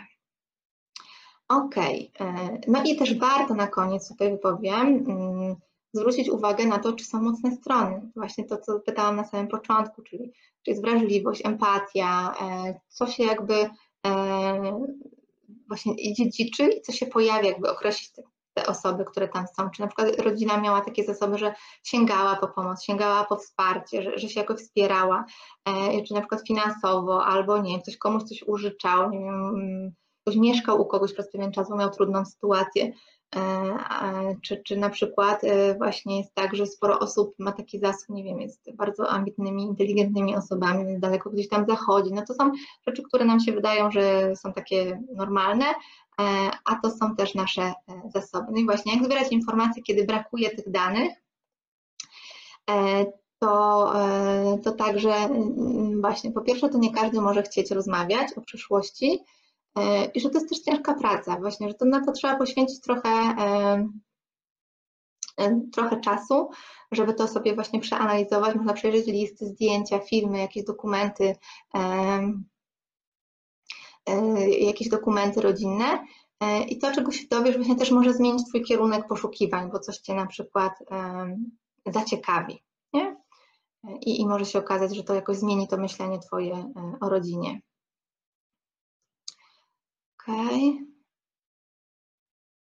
No nie do końca wyobrażanie sobie mija się z celem, jeśli się yy, nie, nie miało tej rodziny, no bo yy, to jest Twoje przeżycie. Ty sobie tak wyobrażasz, że tak było i to Cię zdefiniowało. Nie fakt dany, który tam zaistniał, tylko to, że na przykład mam takie wyobrażenie, że, że, było w ten sposób, ale tak jak powiedziałam, czyli nie zatrzymuję się na tym wyobrażeniu, tylko zastanawiam się, co by powiedział ktoś inny. Mogę zapytać innego członka rodziny, jak on przeżywał tą sytuację, tak? jeśli nie ma, nie ma tych osób. Ale to też jest tak, że no, no nie jesteśmy odcięci. Nie, nie, ma tak, że nie ma osób. Zawsze jest ktoś z rodziny. Nie? To może być daleka ciocia na przykład bardzo, ale jest ktoś, może mogą to być strzępki jakiejś um, um, informacji. Nie? Czasem ludzie nie chcą do tego wracać, to prawda, e, nie są gotowi, ale też y, to też mogą być nasze lęki, że ktoś nie będzie gotowy się tymi różnymi rzeczami podzielić, e, a jednak e, okazuje się, że na przykład w jakiejś części jest w stanie i to też warto uszanować, że, że dzieli się tyle, ile, e, ile może i żeby nie naciskać właśnie. No i tak, i właśnie, że drzewo bez korzeni nie istnieje, czyli że my z czegoś właśnie wyrastamy i jesteśmy i myślę, że nie ma takiej sytuacji, że zostajemy całkowicie, e, całkowicie, a tak absolutnie, absolutnie bez kogoś bliskiego, e, kogo moglibyśmy właśnie zapytać o coś. Nawet jeśli to jest ktoś, ktoś daleki. No i tutaj jest ostatnie takie ćwiczenie, które może nie będę go jakoś tak szczególnie opowiadać, bo będzie też opisane w materiałach dodatkowych, ale możecie też robić to sobie wspólnie jakby w parze, tak? Mm. Czyli, czyli jakby po, po, poprzeglądać się też, jak to było w Waszym związku i w relacjach jak już dowiecie się więcej o sobie, to też zacząć się zaciekawiać, jak to było w relacji y, z osobą, z którą e, aktualnie e, jesteście. No i właśnie, przechodzimy do, do tej części takiej, w której tutaj może już się pojawić też link do, do e-booka na, na, na czacie. E, czyli właśnie, to trochę od nas, tak, czy od Ciebie zależy, czy, czy podejdziesz do tego jako do jakiejś, nie wiem, ciekawostki, czy raczej kłopotu, który tu jest, albo może steku bzdur, może właśnie zacząć wyszukiwać wady jakoś tej wiedzy, a możesz szukać zalet, to tylko od Ciebie zależy. Możesz też powiedzieć, że to jest Ci niepotrzebne, że możesz tego nie robić, masz wtedy rację, na pewno, bo będziesz szukał sobie wszystkich argumentów na to, e, że właśnie tak jest, czyli tak naprawdę może nie być gotowości, ale jeśli czujesz, że jakoś temat jest dla Ciebie niewygodny, ubiera, e, to, to sądzisz, że, że pogłębianie jakoś tego aspektu może Tobie pomóc w czymś, to też masz rację, tak? Czyli szukanie, dowiadywanie się, uświadamianie, sprawdzanie tego, co, co się właśnie w Tobie w tobie, w tobie zadziewa. I tu krótko e, chciałabym powiedzieć, jak, e, jak wygląda e-book w środku, czyli e, jakie ma mm, te kroki, o, trochę o nich powiedziałam gdzieś tam na, na Insta Stories, ale i też mogliście pobrać sobie, chyba 650 osób, jak patrzyłam przed webinarem, pobrało ten fragment. I to jest cały spis treści, też możecie sobie pobrać, zanim się zdecydujecie. I pierwszy krok to jest właśnie dzieciństwo. Tutaj nie ma nic o genogramie, bo, e, bo tak jak mówiłam na początku, chciałam, żebyś, żeby te rzeczy się też nie powtarzały, żeby nie ujawniać całkowicie treści, która w genogramie jest, ale jestem przekonana, że czytając go, odpowiadając sobie na te pytania, wiele rzeczy może się pootwierać. Tak też mówią osoby, które korzystały na przykład z poprzednich materiałów, czy, czy z cyklu o DDA, że wiele rzeczy sobie, sobie uświadomiło i to jakoś y, y, spowodowało, nie wiem, e, wzięcie steru w swoje ręce i nie wiem, pójście na przykład na terapię, albo mm, zrobienie czegoś inaczej, albo e, przegadanie czegoś na przykład w związku, dowiedzenie się czegoś o sobie i to, to jakoś pracowało w środku. Więc to e, tutaj można właśnie pogłębić te różne rzeczy, jak to było w mojej rodzinie, czytając czy słuchając różnych, czytając różnych historii, które też są tutaj w e-booku przytaczane.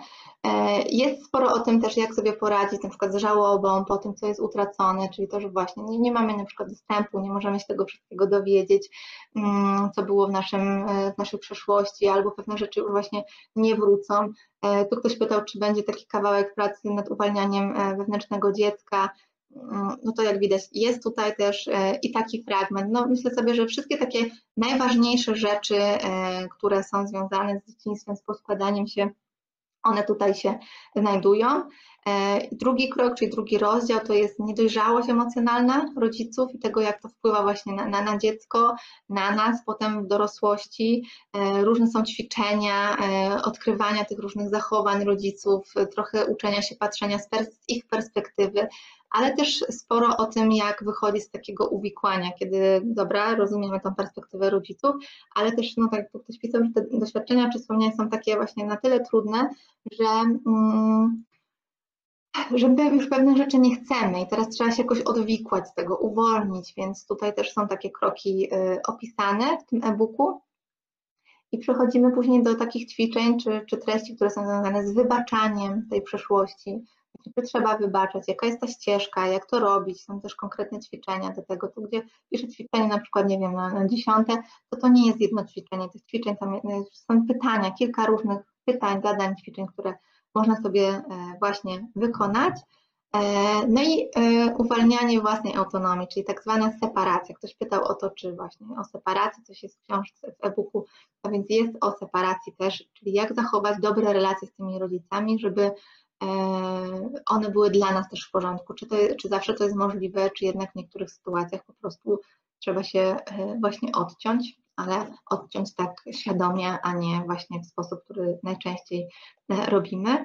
E, no i jak składamy swoją tożsamość właśnie, to, to, są, to jest szukanie różnych schematów, które są opisane dzisiaj na Instastory, wrzucałam jeden z tych schematów, króciutko opisany tam był na kilku stronach.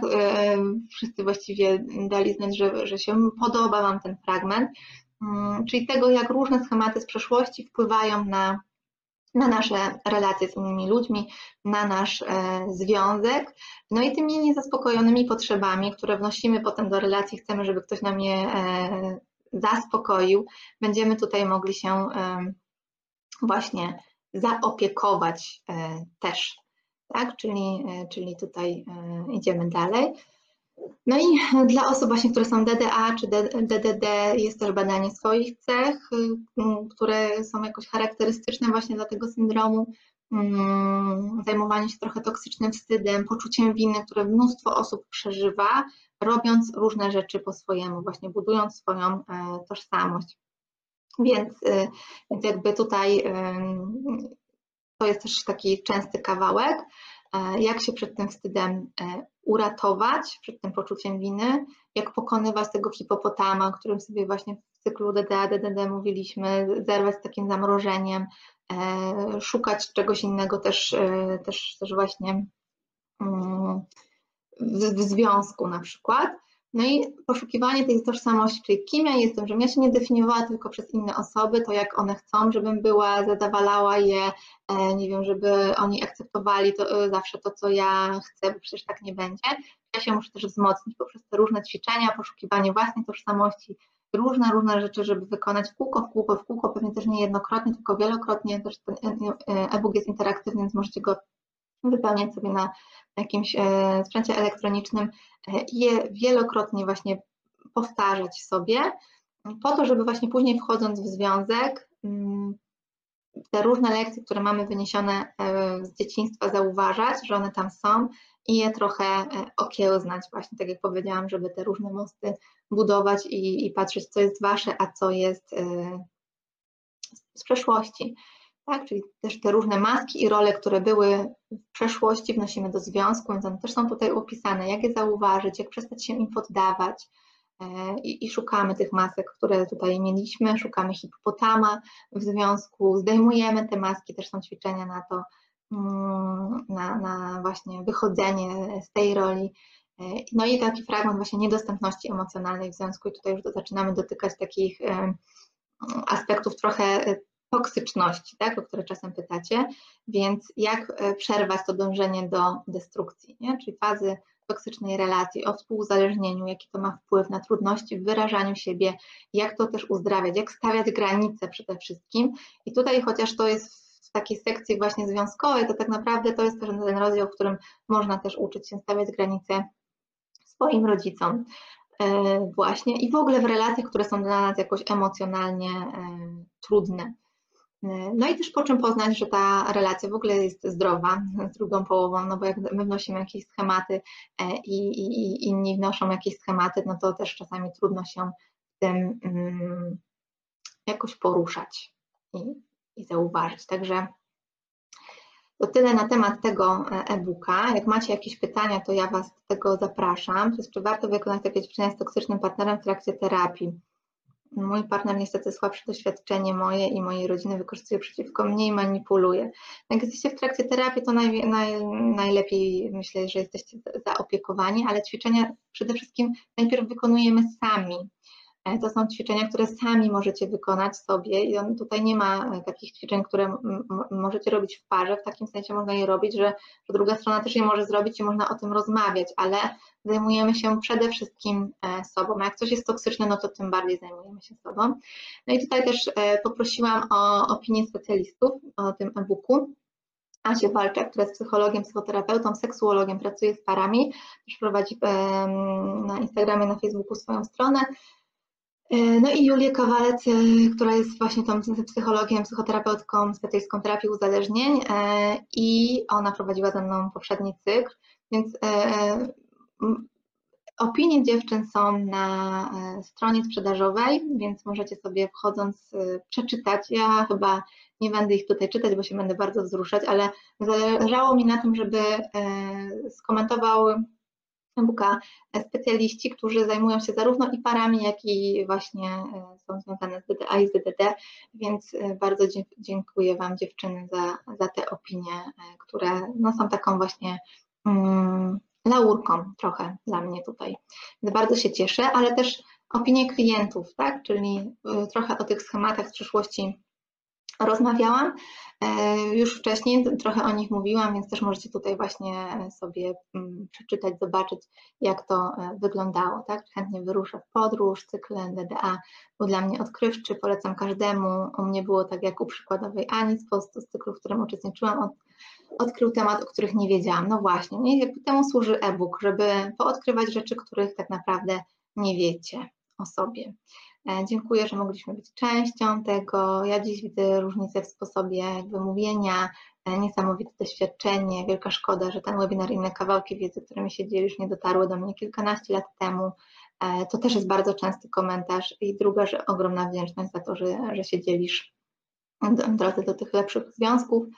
E, I tutaj właśnie jestem też wdzięczna za poprzedni cykl. E, naprawdę mam wrażenie, że układam puzzle, puzzle mojego życia, dużo małych elementów, które niektóre z innego kompletu niepasujące. Trudziłam się bardzo przy tym układaniu i nieraz chciałam te puzzle schować do pudełka, ale nie schowałam i ułożyłam niepotrzebne puzzle, wyrzuciłam pod swój obrazek, który przedstawia coś więcej niż abstrakcję. No więc to są e, opinie osób, które wcześniej korzystały z różnych rzeczy, no i właśnie to, tak, że, że niesamowite schematy z dzieciństwa wpływają na teraźniejszość, jak można się nimi opiekować, tylko trzeba je najpierw zauważyć właśnie. To jest jakby klucz, czyli ten pierwszy krok to jest właśnie zauważyć te różne rzeczy i po to dzisiaj omawiałam e, takie narzędzie, żebyście też mogli próbować zauważać to, tak.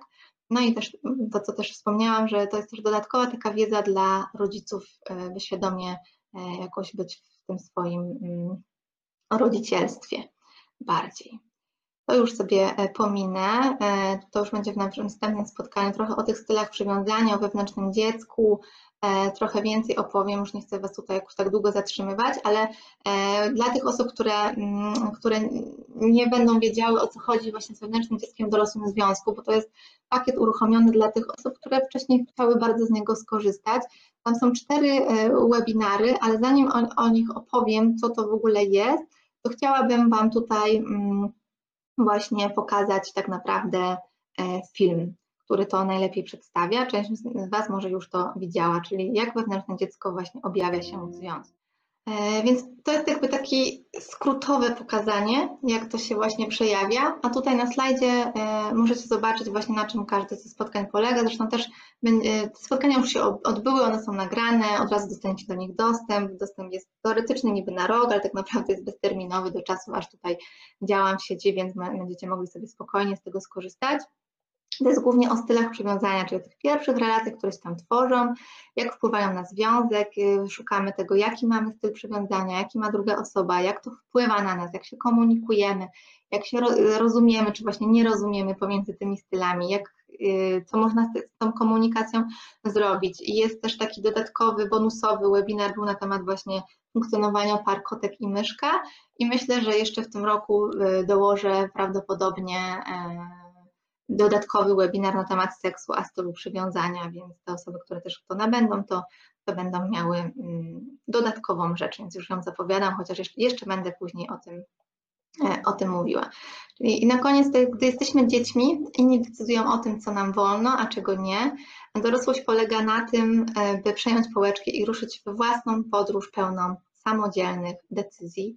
I Was do tego e, zachęcam tak? Czyli można, możecie nabyć tego wyczekiwanego dla niektórych e-booka albo e-booka z całym tym pakietem e, czterech webinarów.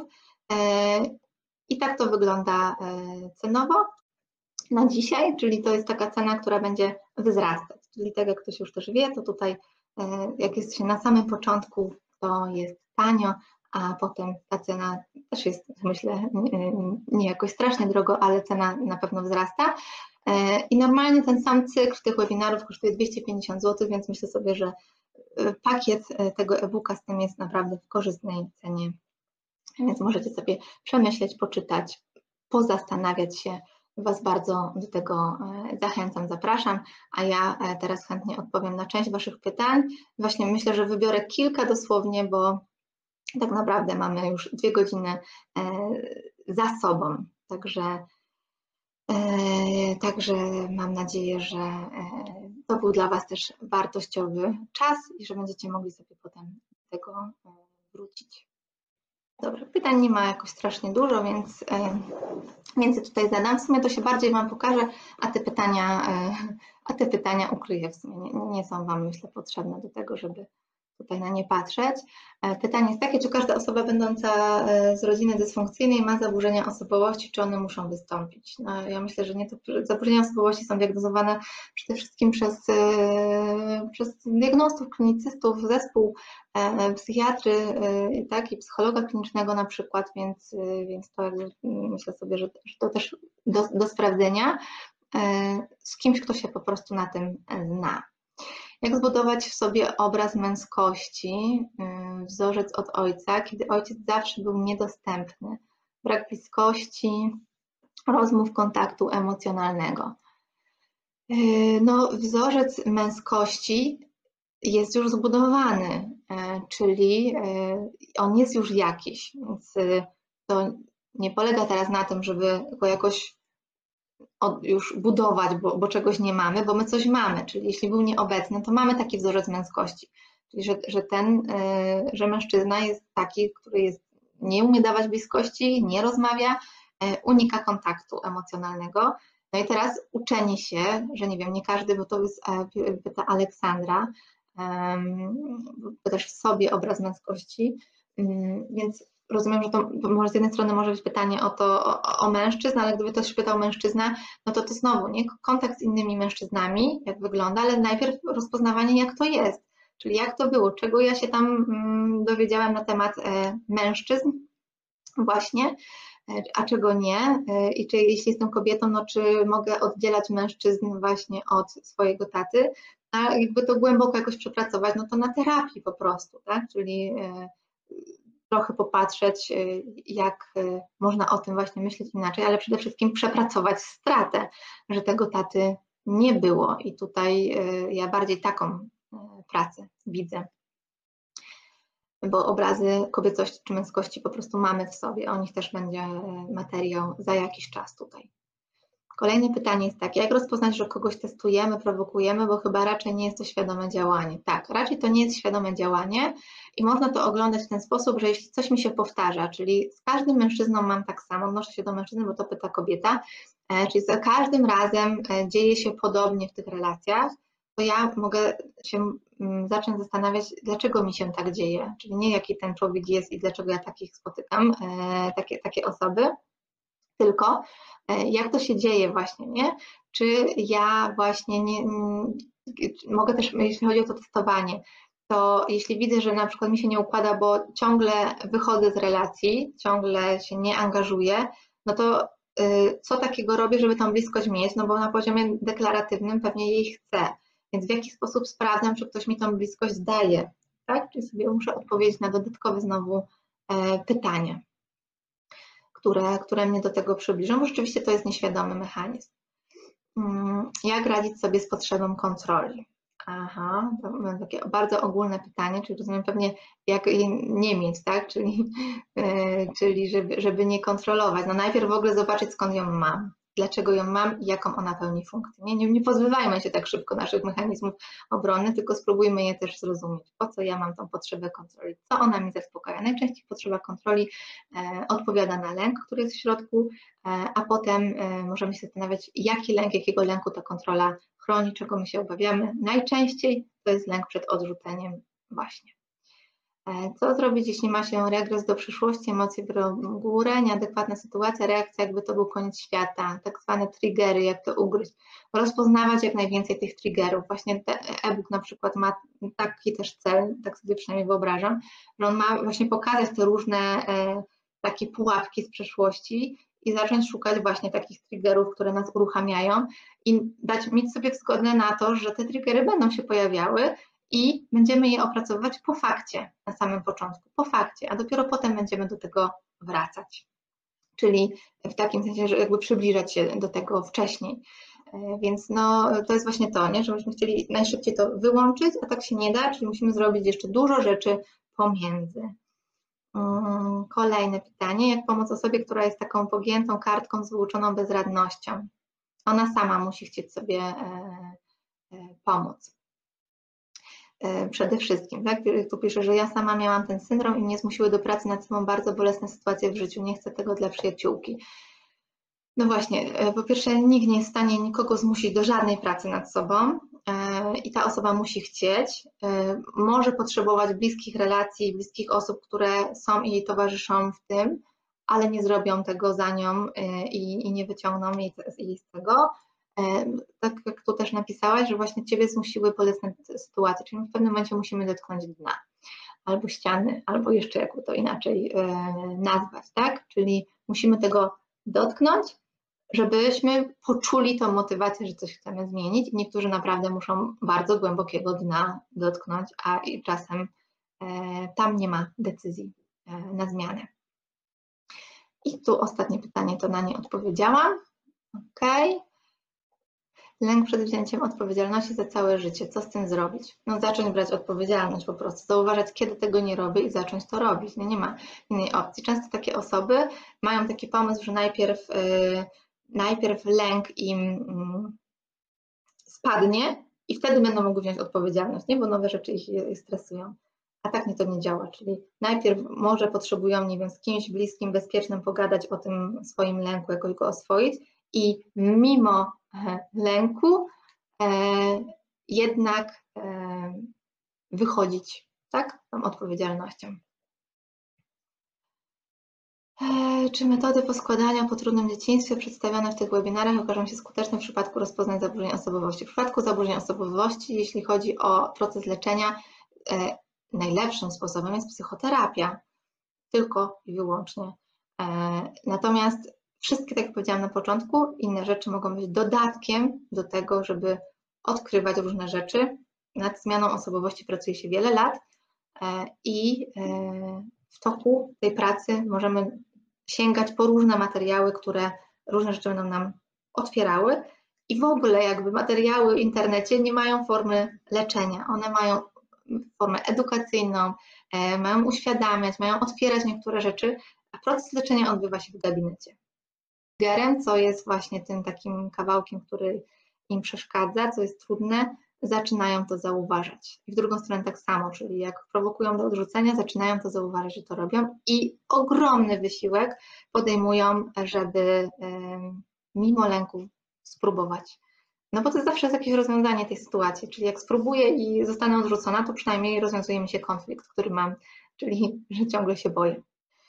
Dobrze, ja, ja, też Wam bardzo dziękuję e, za ten wspólny czas. E, widzimy się przyszły wtorek. E, Was zapraszam na, na to kolejne, kolejne spotkanie, które będzie poświęcone rodzicom. Myślę, że będzie może mniej jakby intensywne, mam taką nadzieję, bo tak czuję, że było jakoś dużo, możecie napisać jak, jak dla Was, ale na pewno też będzie wartościowo. Także bardzo, bardzo Was serdecznie zapraszam. To już koniec tej części wierzę, że udało Ci się wyciągnąć coś dla siebie. W kolejnym podcaście będę mówiła o tym, jak poskładać relacje z rodzicami. Jeśli natomiast chcesz zająć się kompleksowo tym tematem, to cały ten proces opisałam w moim e-booku Jak poskładać się po trudnym dzieciństwie i zbudować szczęśliwą relację. Znajdziesz go na sklep międzyparami.pl. Na dzisiaj to już tyle. Gorąco Cię zapraszam do kolejnego podcastu. Do usłyszenia. Jeśli chcesz posłuchać innych odcinków na temat psychologii związków, zajrzyj na międzyparami.pl. Jeśli masz propozycję tematu na kolejny podcast, wyślij wiadomość przez formularz na stronie.